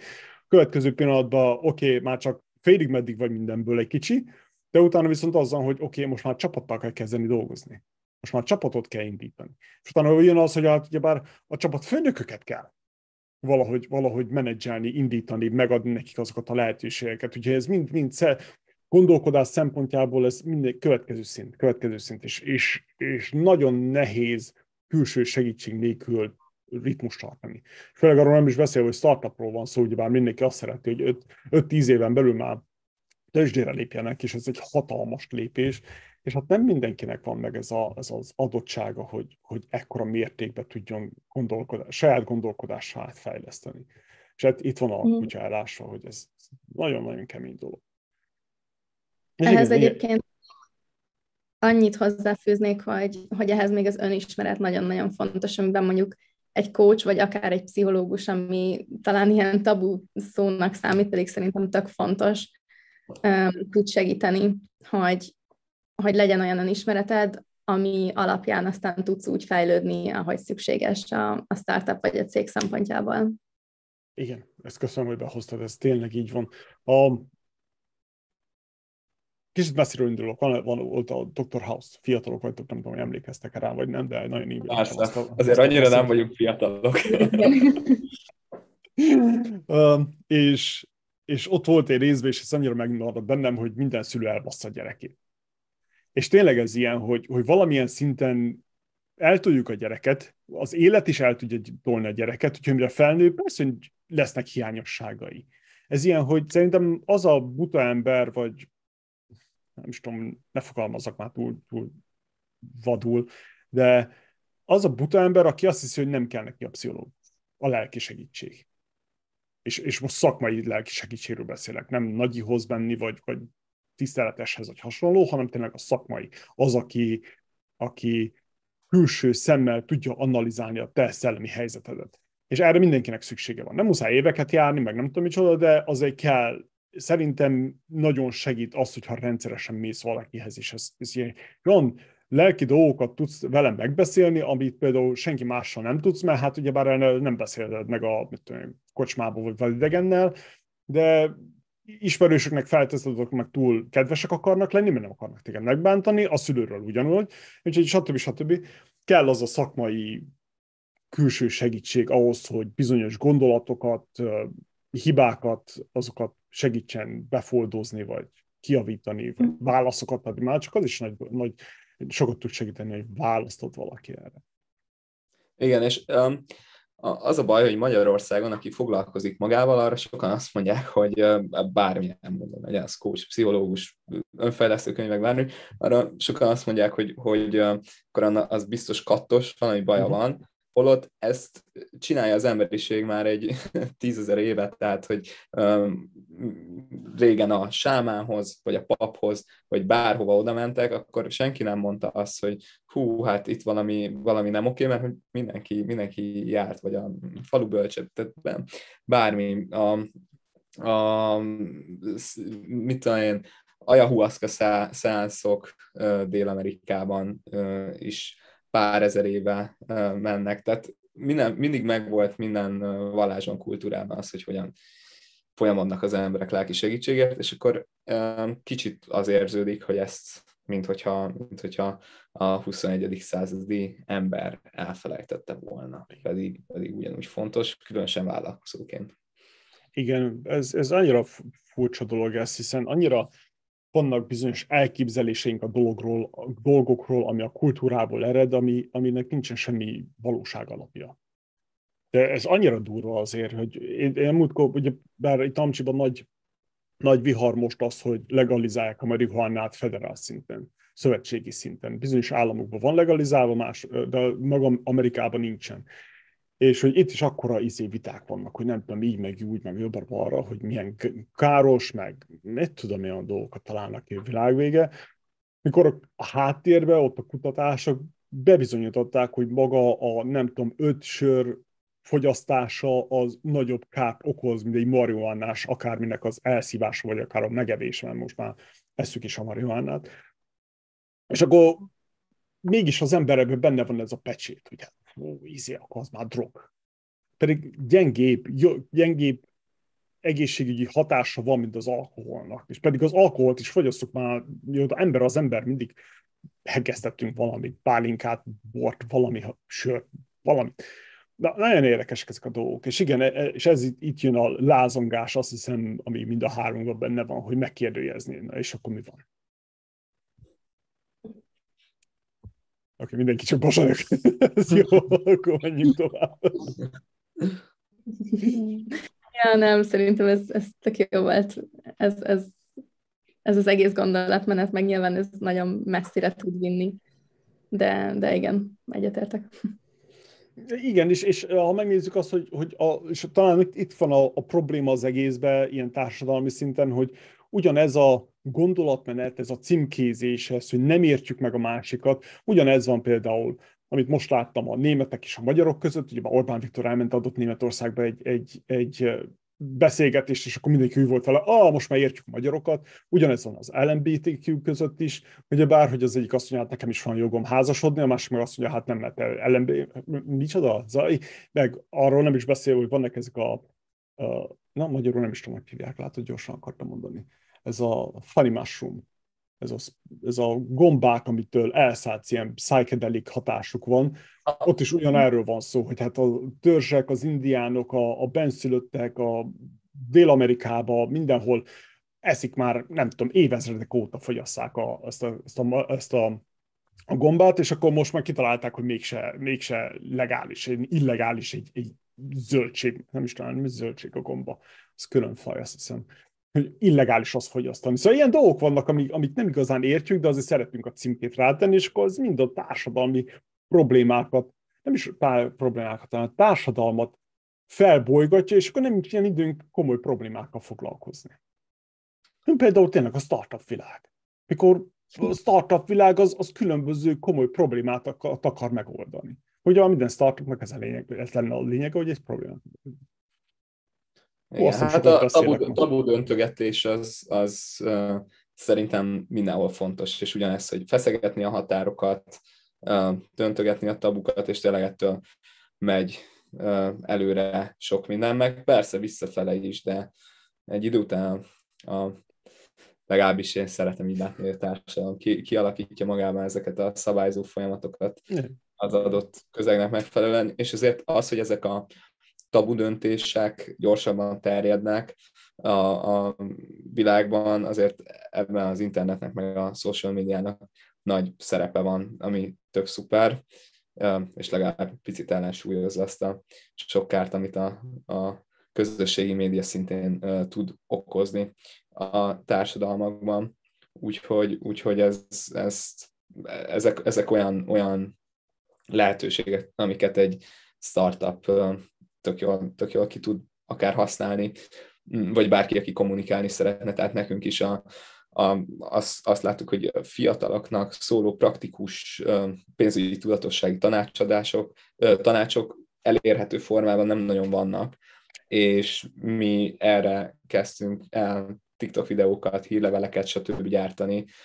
Például a viselkedés tudományjal ból levezetve adtunk a, a diákoknak különböző, különböző pénzmegtakarítás és spórolási tanács, tanácsokat, meg ilyen érdekes pszichológiai sémákat vezet, mutattunk be, például az, hogy, hogy a, a legutóbbi hírlevelünk, ami, ami szerintem tök érdekes volt ilyen szempontból, hogy, hogy a, a van nyolc különböző intelligencia típus a Harvard Egyetem szerint, és hogy a, a közoktatási rendszer nem, nem csak itthon, hanem, hanem külföldön is, de itthon ezek különösen csak két fő intelligencia típusra, a logikaira és a verbálisra fókuszál, és hogy ezért van az, hogy sokan, sokan nem érzik jól magukat az iskolában, hogy nem érzik azt, hogy ott jól tudnának teljesíteni, holott más témákban meg abszolút intelligensek. Tehát ezt a fajta tudatosságot, ami kicsit szembe megy talán fősodorra, szerintem tök fontos behozni, és erre, erre nagyon jól használhatóak ezek, ezek a csatornák, ahol tényleg nagyon elérhető formátumban lehet hatékonyan tartalmat gyártani. és ezért is szuper a TikTok, tehát hogy régen az volt a sztereotípia még egy két éve a TikTokkal kapcsolatban, hogy na akkor ott lehet táncikálni, meg talán van egy-két főzős videó is, de, de hogy abszolút nem. Például az ukrán háborúról is gyakorlatilag az első tudósítások ott, ott jelentek meg a, a TikTokon, nyilván nem professzionális formában, de, de fontosak ezek a tudás átadások, és erre nagyon jól használható a social. Úgy tűnik nekem, hogy, hogy így, ahogy beszélsz, hogy, hogy nagyon ilyen lázangó, tényleg ez a lázangás, ez nagyon bennetek van, ilyen belé van evülve is, és olyan dolgokról beszélni, amiről a többség nem, és ezzel nagyon-nagyon rezonálok, hiszen ennek az egész Magyar Business Podcastnek is ez a lényege, hogy olyan dolgokról beszéljünk, amiről a többség nem. Nekem mindig akkor voltak problémák, mindig akkor volt a legnagyobb csalódás az életemben, mikor a, a mainstreamet követtem.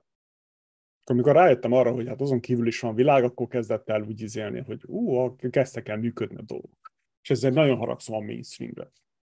És igen, ez a, ez a pénzügyi tanácsok is például, hogy, hogy ez a, akkora zajt kavarunk a semmiért, hogy az ilyen, az ilyen lényeges dolgokon egyszerűen már nem jut el az emberekhez.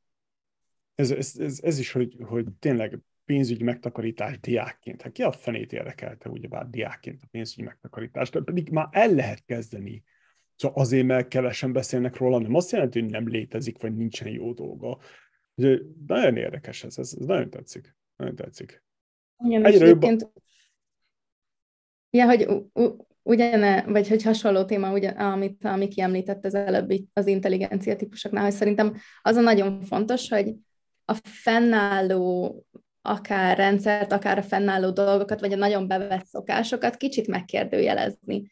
És nem biztos, hogy mindenen változtatni kell, vagy, vagy mindenre van jobb megoldás, viszont az, hogy legalább beszélni róla, és, és tényleg így kérdéseket feltenni, és, és aztán elindulni egy bizonyos irányba, szerintem ez, ez az, ami nagyon fontos.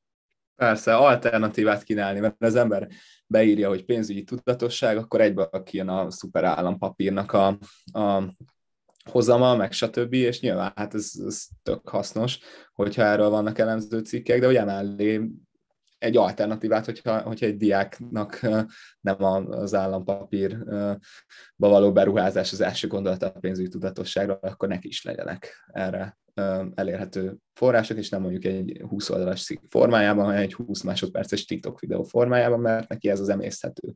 És ezzel semmi rossz nincsen, mert lehet, hogy egy adott témában nem merül el annyira, viszont cserébe egy perc alatt három különböző témába bele tud egy picit kóstolgatni.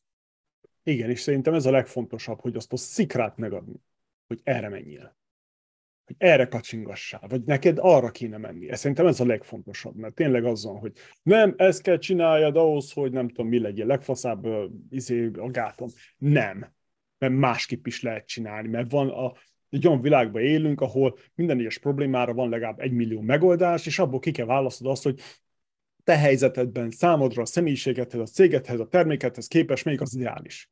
Tehát ez már gondolkodni kell könnyebb egy cikket megírni arról, hogy tényleg az állampapír a legtö- legjobb a világon, nem, ahhoz már bele kell menni, bele kell mélyülni, stb. stb. Múltkor hallgattam egy, egy újságíróval egy interjút, egy podcastben meghívták, őt New York, New York Times-nak dolgozik, és ott az volt a lényege, hogy az újságíró azt hiszem, hogy három havonta hoz ki egy cikket. Mert három hónapot megy bele, és akkor az olyan, hogy tényleg állampapír, hogy befektetések, és akkor felsorolja neked az összeset, amit talál három hónap alatt, és kivesézi mindegyiket, hogy melyik jó és miért nem jó. Tehát ehhez viszont nem lehet, így nem lehet fake news csinálni. Így nem lehet az embereket butítani, nem lehet az embereket terelgetni, mert így lehetőséget adsz nekik. És e, e, sajnos ez a, ez a, egyre jobban ez jellemző a mainstreamre, hogy, hogy csak ugyanazt fújják, másképp van csomagolva, stb. stb. és tényleg arra szomorú, Covid, bevándorlás, LMBTQ, energia, mindenhol ez van, hogy, hogy mindenki ugyanazt mondja, és csak másképp van becsomagolva. Engem nagyon felháborít. Kapcsoljatok le, mert nem tudom majd abba hagyni erről. hát igen, de azt is kell látni, hogy erre klikkelnek, tehát hogy ez nem véletlen, és ez valamennyire, valamennyire uh, uh, sajnos, sajnos ez az, ami, ez az, ami működik, és, és bejön a gazdasági logika, hogy amire sokan klikkelnek, az dominálja a, a mainstreamet. De van másra is igény, és ez tök jó látni, szerintem. Igen, igen. Jó, ha, menjünk tovább. Merre tart a világ?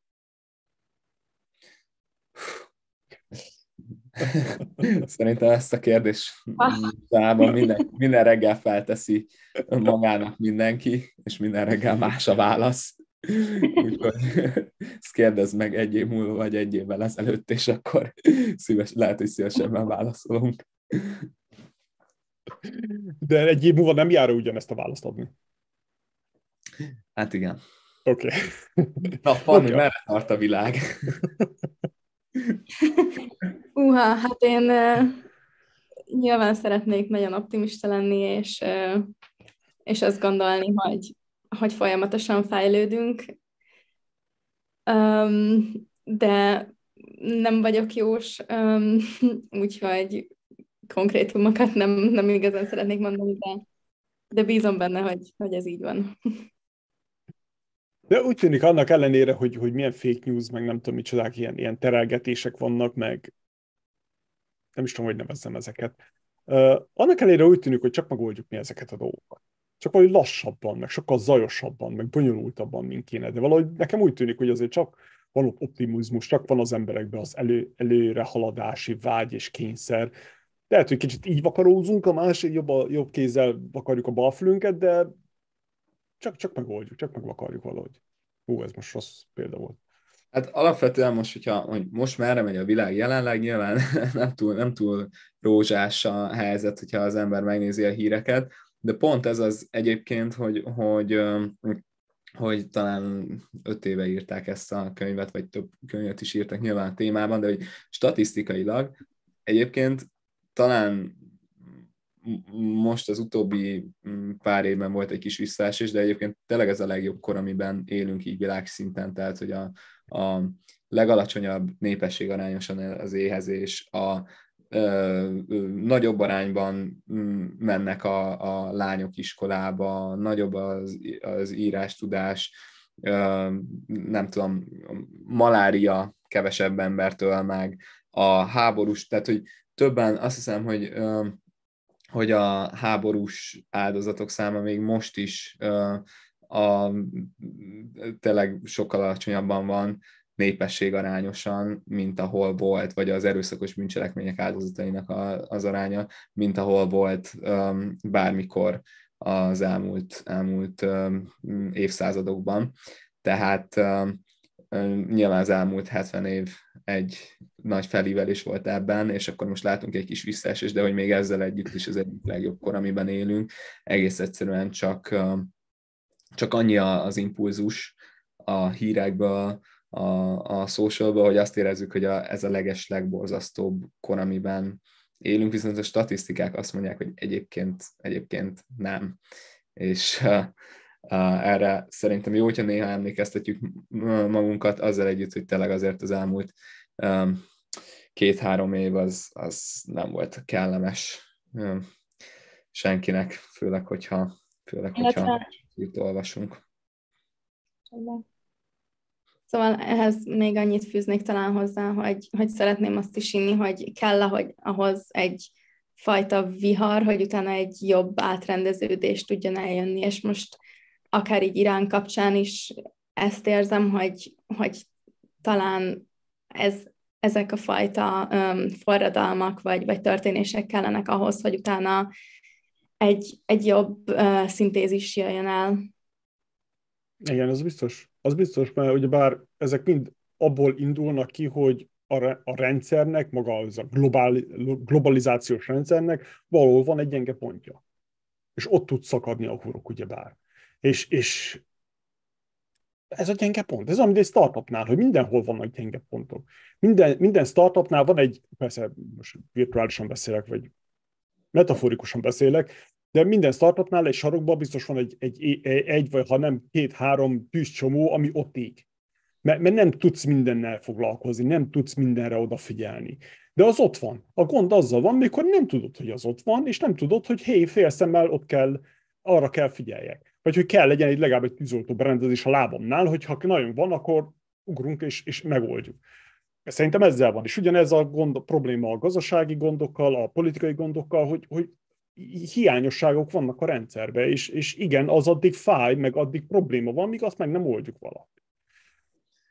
A másik, a, a, csak hogy, hogy valami pozitívumot is mondjunk, a múltkor ha, olvastam egy ilyen, nem hallgattam egy podcastet egy csávóval, aki írt valami tíz, tíz jó dolog, amit kell tudni a világról, vagy valami hasonlóképpen van az, az angol címe, és uh, ott van az, hogy, hogy megszűnt, megszűnt a, az éhínség.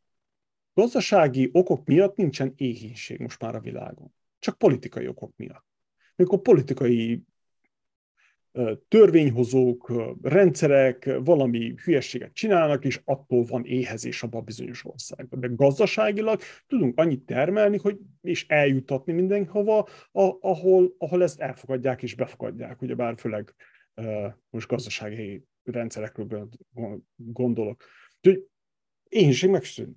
És ez egy borzasztóan jó dolog. Hát hiszen emlékszem, hogy gyerekkoromban is úgy, kis fekete-fehér tévén is azt néztük, hogy, hogy éheznek az afrikaiak. Szóval ez egy jó dolog. Nagyon sokat beszélek. Kattintsatok le, rólatok kéne szóljon. De jókat mondasz, úgyhogy, úgyhogy hallgatunk. Igyekszem. Hat a kávé, úgy néz ki. Oké. Okay. Mit gondolsz az AI-ról? Hogyan fogja ezt titeket befolyásolni, hogyha vagy mikor oda kerülünk? Mit gondoltok erről? Ha nem, akkor csak úgy általánosságban.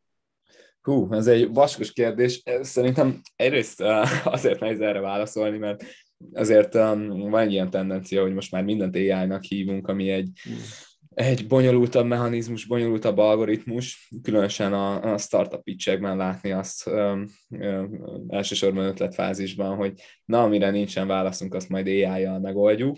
Um, tehát azért az AI egy eléggé erős gyűjtő fogalom, és sok, sok irányba elvezethet. Nyilván benne van az, hogy nem tudom, automatikusan optimalizálja Google, hogy kiket milyen tartalommal talál meg, odáig, hogy Terminátor és mind meghalunk, tehát ezt, ezt mind értjük az AI alatt most már. Igen.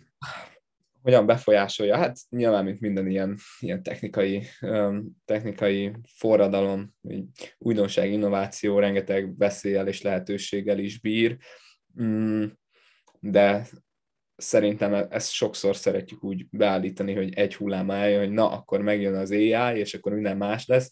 Ez inkább ilyen, én úgy képzelem ezt e- el, hogy ez inkább csöpög bele szépen a, a, az életünkbe, tehát már sok AI alapú szolgáltatást használunk anélkül, hogy ezt, ezt, ezt úgy különösebben, ez úgy különösebben tudatosulna bennünk.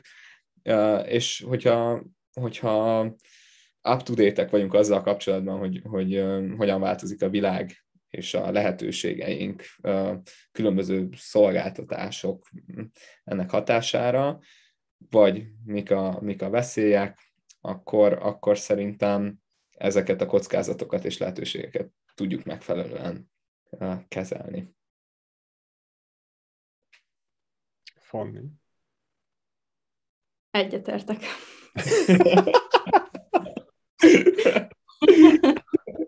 Oké, okay, köszönjük szépen! Egyébként bullshitelésben nagyon jók vagyunk, úgyhogy hasonlókat. nincs, nincs addig baj, amíg nem látta át rajta valaki. Addig nagyon jól hangzik, és akadémikusnak, és okosnak, meg stb. stb. Nem, hát megmondom őszintén, nekem az AI az, tehát hogy azt érzem, hogy még nem olvastam ennyit utána, és nem jártam annyira utána, hogy erről előre néző, nem tudom, jóslatokat mondhassak, úgyhogy azért nem, tehát hogy olyan témában nem szeretek megszólalni, amihez azt érzem, hogy semmi kompetenciám nincs. E, egyébként ezek az általános kérdések miatt, merre tart a világ, mit gondolsz az AI-ról, mi a, mi a terved a jövőre nézve, ha tehetném, milyen problémát oldanál meg, ezek minden az, azt akarják sugalni, hogy mennyire figyelsz más, mennyire követsz ilyen nagyvilági dolgok. De nem mm. azért, mert most kell tudni, szóval ez ilyen kis trükkös kérdések, nem persze, jogi, persze. mindenki belesik ebbe, semmi gond.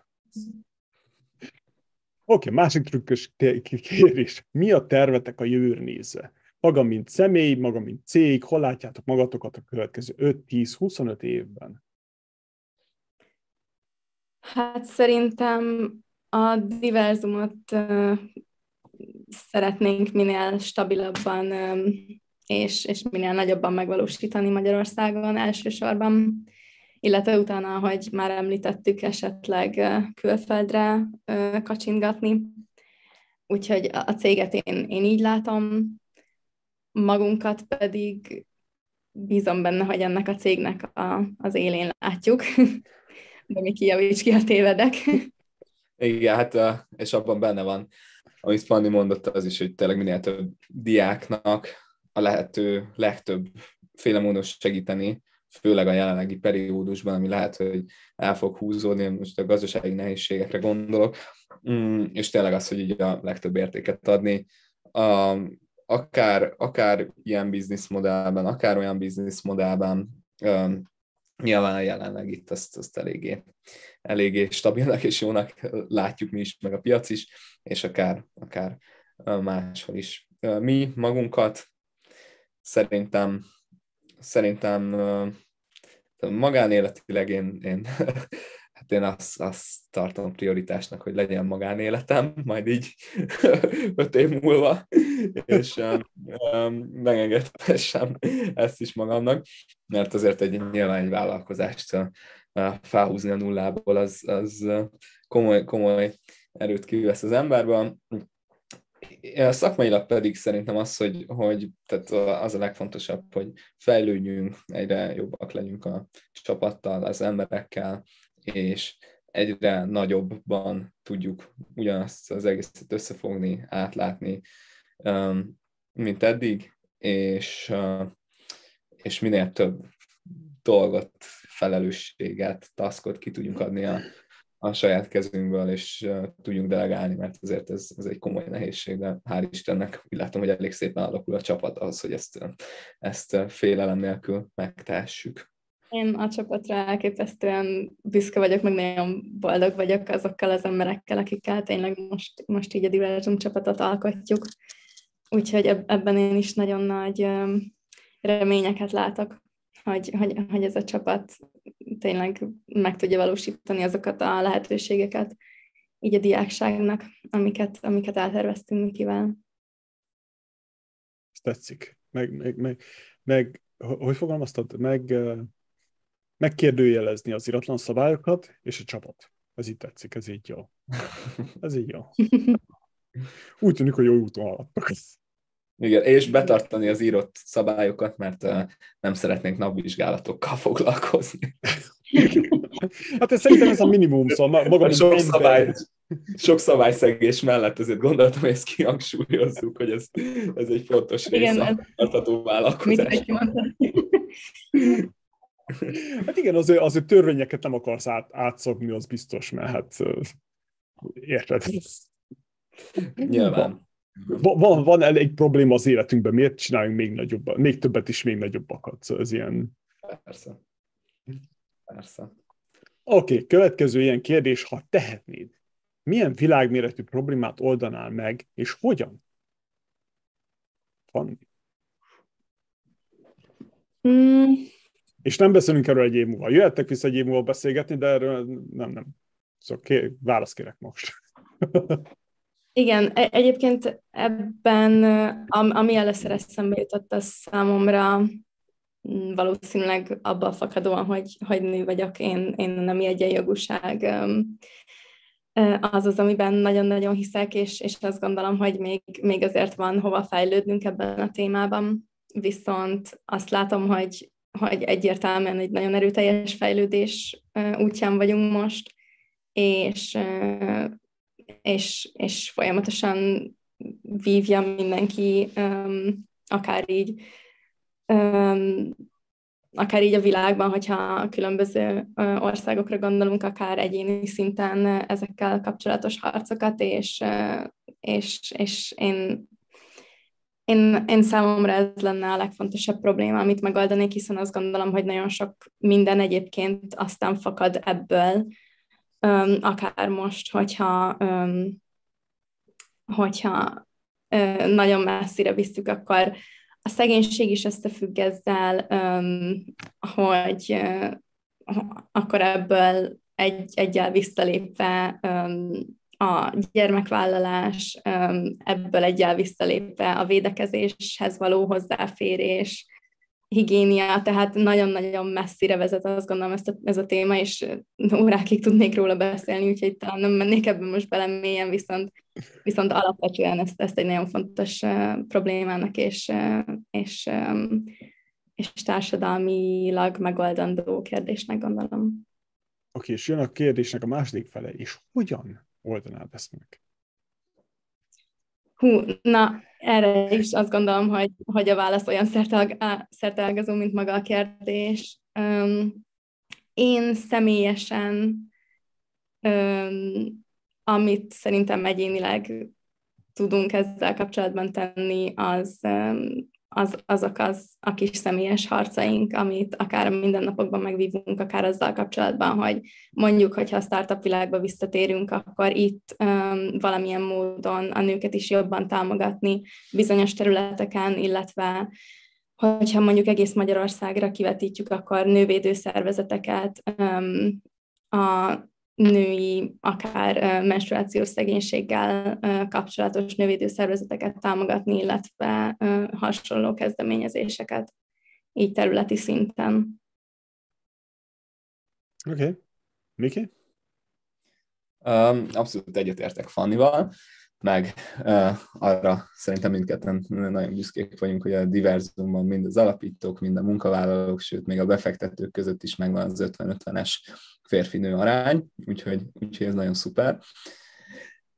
Én egy picit messzebbről indulnék, szerintem itt az emberiség probléma megoldó készsége, ami sokszor a probléma, és amire szerintem és aminek a hátterében az áll, hogy elképesztően polarizáltak vagyunk, tehát nehezen beszélgetünk, nehezen vitázunk, és mindenki benne van egy bizonyos, vagy akár több ilyen nyúlüregben a, a social médián, az algoritmusoknak, köszönhetően, hogy, hogy az algoritmusok tudják, hogy azokat a, a nézeteket szeretjük visszalátni, visszahallani, amiket mi is osztunk, és ezért, hogyha hiszünk valamiben, akkor azt látjuk viszont. Plusz még erre rájön a, a confirmation bias, ez a, az ilyen viselkedés tudományi téma, hogy végig görgetünk egy hírfolyamon, és azokat a híreket szúrjuk ki, amik megerősítik a, a, a, az alapfeltevésünket, um, um, hiedelmeinket, stb.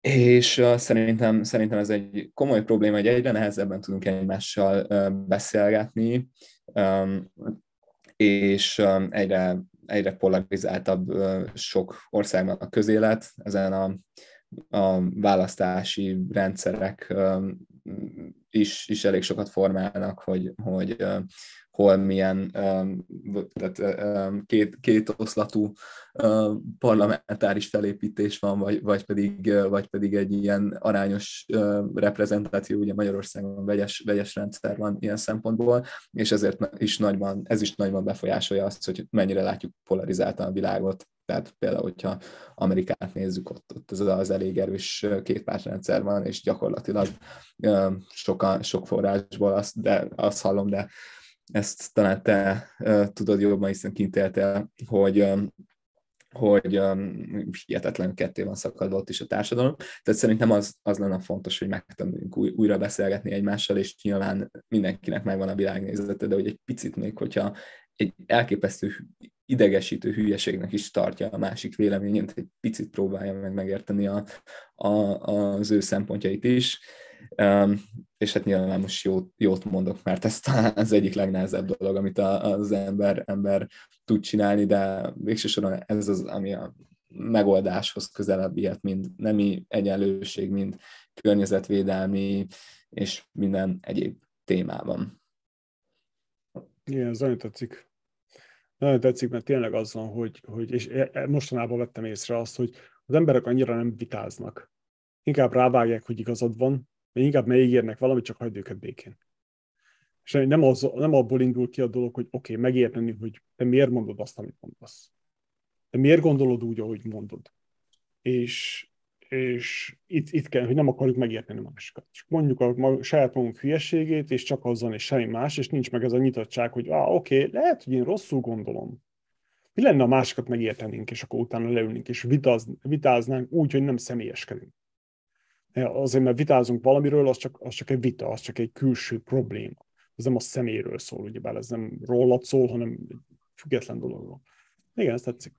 Igen, hát az angol száz egyetemeken van ez a vita, vita közösség, több is általában különböző témákra szakosodva, és akkor ott bemész, és akkor vitázol. Nyilván ennek van egy struktúrája, meg van egy modell, hogy felépíted a, a, az érveidet, és ez szerintem nagyon jó. Én ezt csináltam egy ideig, és, és hihetetlen jó, de ennek Magyarországon van egy negatív konnotációja, mert hogy hú, és mit csinálsz ma este? Hát megyek vitázni. Az, az úgy, úgy furán hangzik, pedig nem kéne furán hangoznia, mert szerintem nagyon sokat tanul az ember másikról, egymásról, és, és hát saját magunkról is nyilván. Igen, bizony, igen, bizony. Hm, ez tetszik. Villámkérdések? Jöhetnek. Kedvenc könyved? Ki, ki kezdi? Ki akarja kezdeni a sorrendet? Fanni, mert ő van a legnagyobb csendben. Há, igen, mert gondolkodom. Oké. Okay. Akkor mondom én, uh, Mark okay. Manson, The Subtle Art of Not Giving a Fuck. Um, ez egy ilyen, ez, ez pont erről szól, hogy kérdőjelezzünk meg mindent, úgyhogy szerintem témában is vág. Ez jó. Fanni még mm. gondolkodik. Fanni még mindig gondolkodik.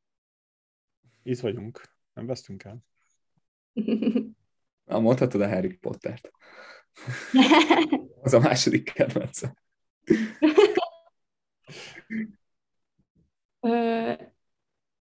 igen. Um,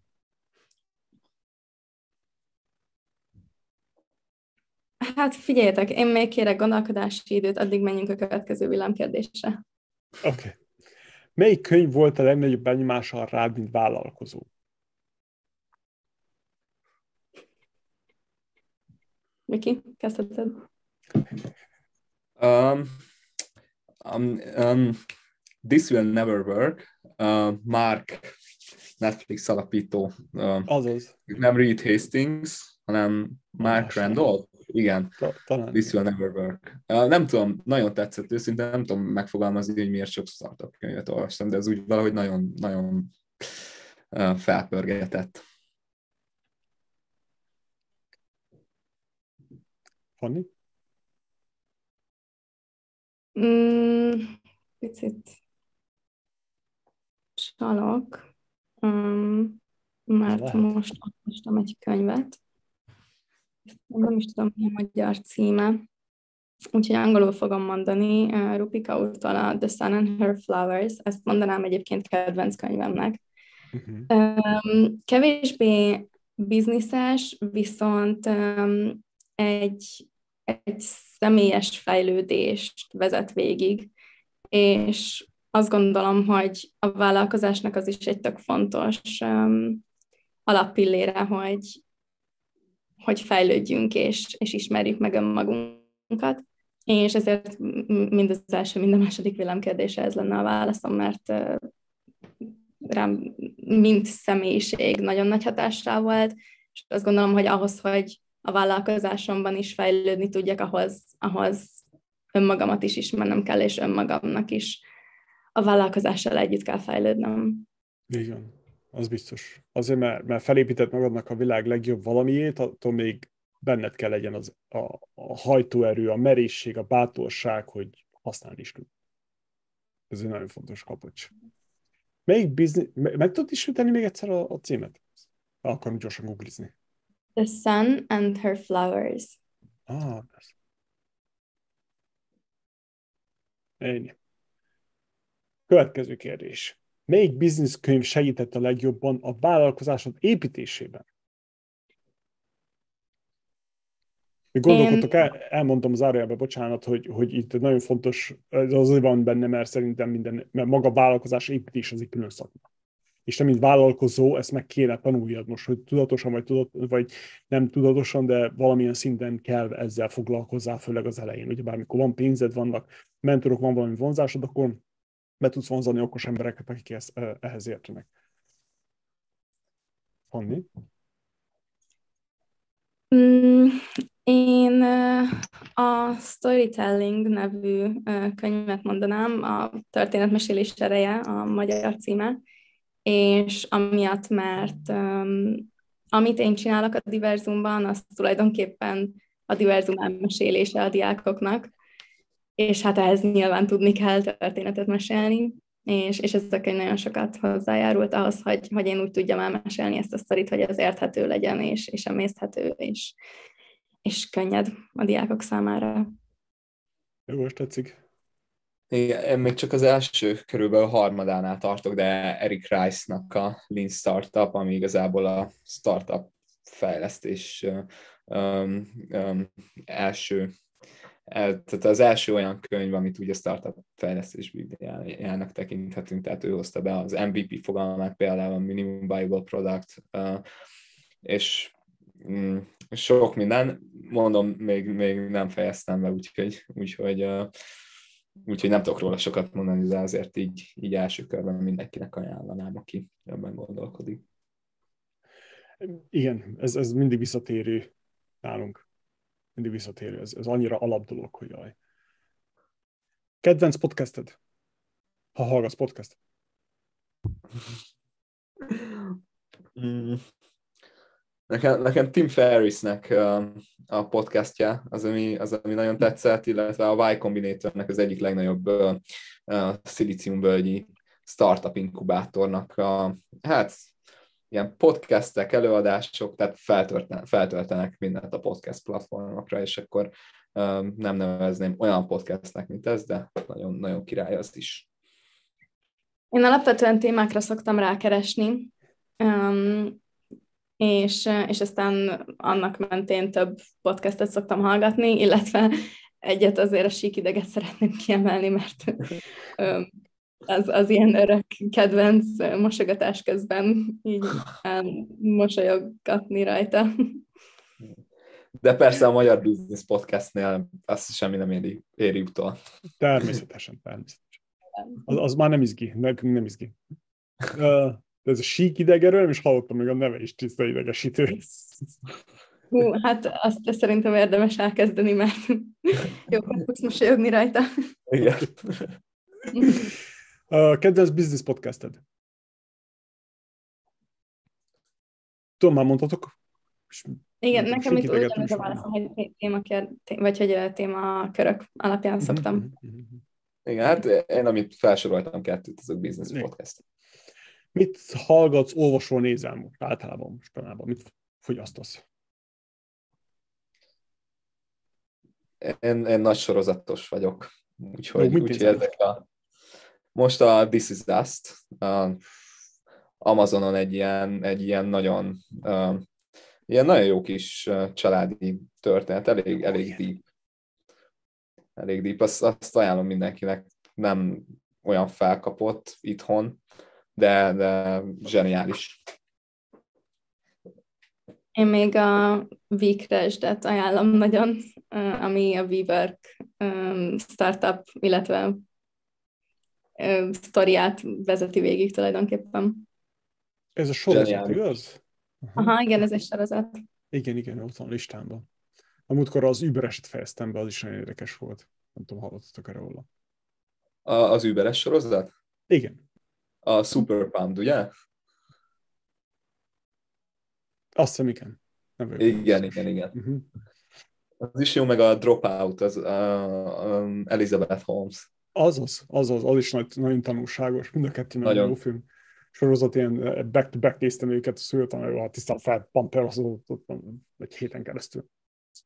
Mi az, ami szakmailag most inspirál a legjobban?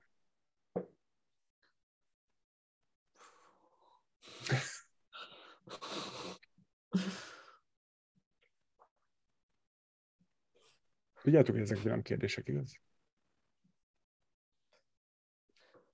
Jó kérdés. Hát uh, szerintem engem, engem a közeg, amiben vagyunk, tehát azért így a magyar startup ökoszisztéma viszonylag kicsi, tehát azért nagy rész hmm. mindenki ismer, mindenkit pár ezer emberről van szó, és nagyon sok az esemény, buli, és hihetetlen tehetséges és inspiráló emberek vesznek minket körül, tehát szerintem a legjobb olyan közegben inspirálódni, amilyen, ami, amivel tudsz azonosulni, mert jók ezek a podcastek, és a többi, viszont kell a fizikai kontakt, és, és az olyan barátok, akik, akiknek ugyanolyan céljai vannak, mint, mint neked. Uh-huh. Én is abszolút a mindennapjainkat mondanám. Én még akár egymást is mondanám a Mikivel, mert valahogy ez, ez már a Gen Z szívecske, nem ez? Igen. Igen. Köszönöm. Ja, ja. Te is engem. Uh, hogyan menedzseled a feszültséget?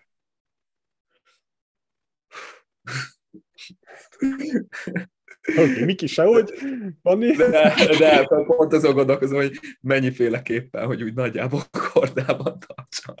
De egyébként elsősorban a sport és azt, hogy kipihenem magam, tehát ilyen alapfiziológiai szükségletek szerintem már sokat segítenek.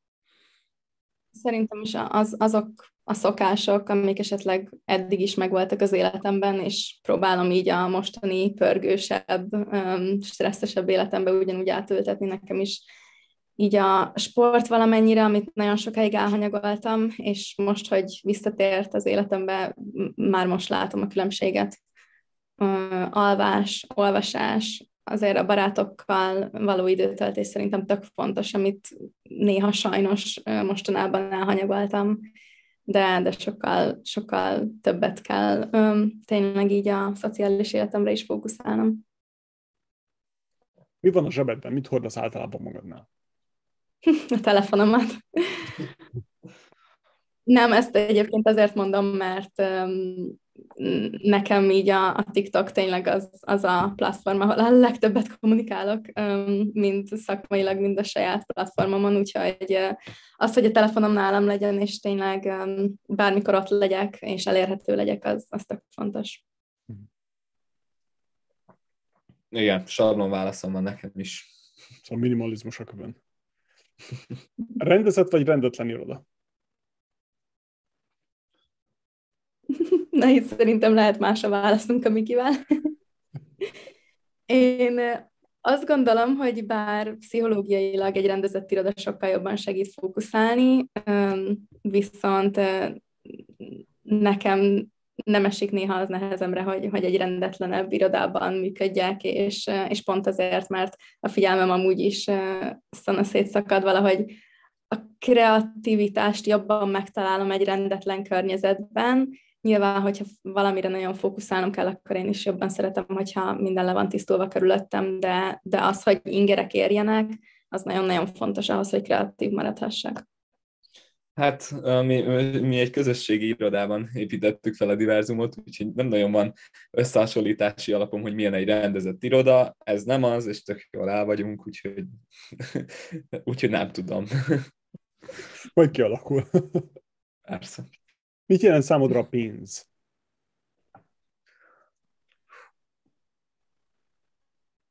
Lehetőség. Kaja.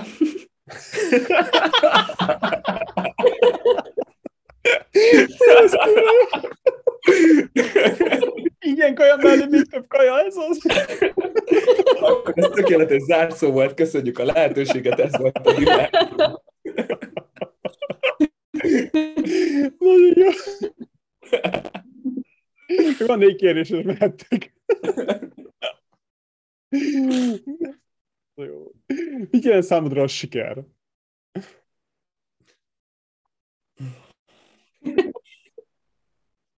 Mm. Még több kaja? Még több kaja, igen. A fejlő, fejlődés. Bocsi, nekem kicsit bekresseltetek. Mi volt a kérdés? Mit jelent számodra a siker? Siker.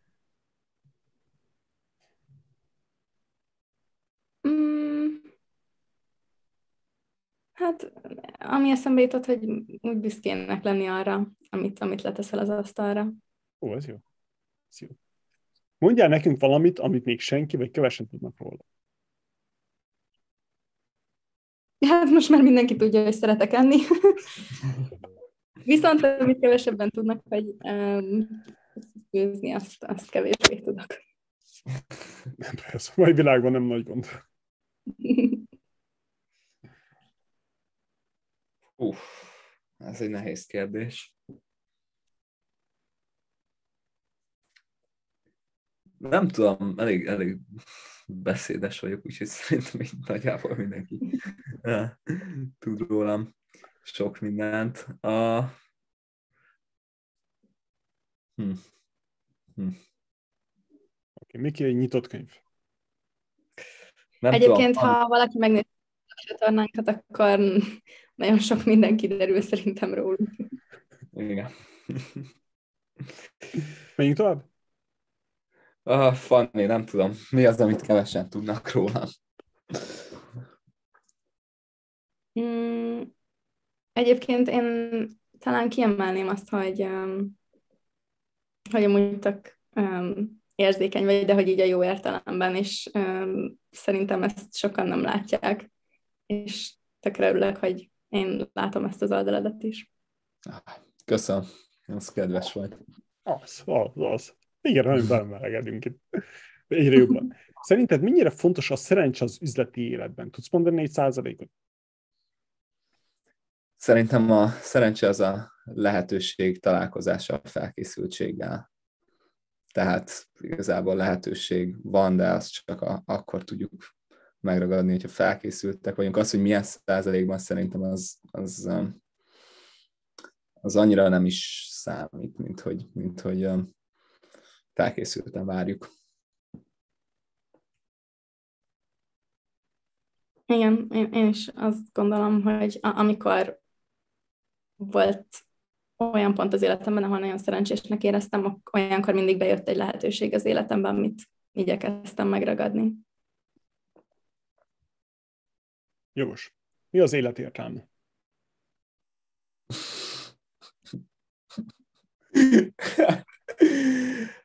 Hát az, hogy, az, hogy ilyen kérdésekre válaszolhat az ember, és remélem, hogy nem lesz nagyon kínos a, a vége, amikor, amikor kimegy a podcast.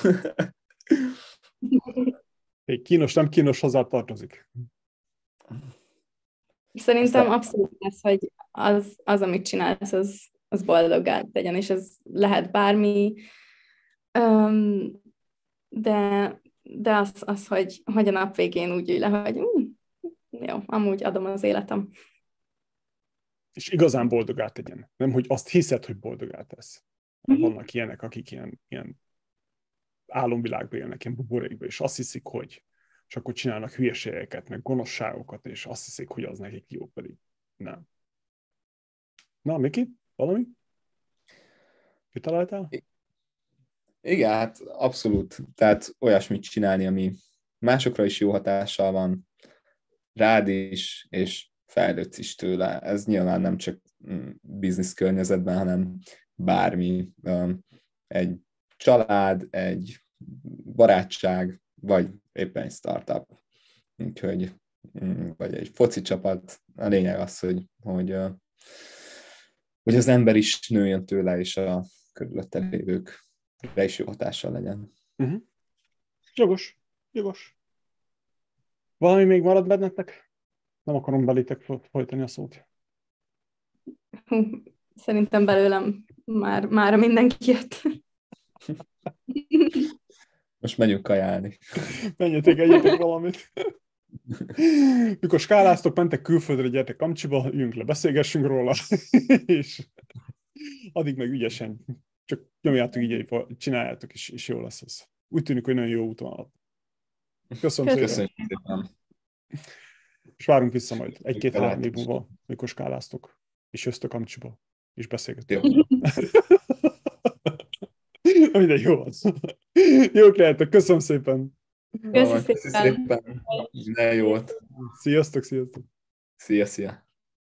Köszönjük, hogy ma is velünk tartottál és meghallgattad a mai epizódunkat.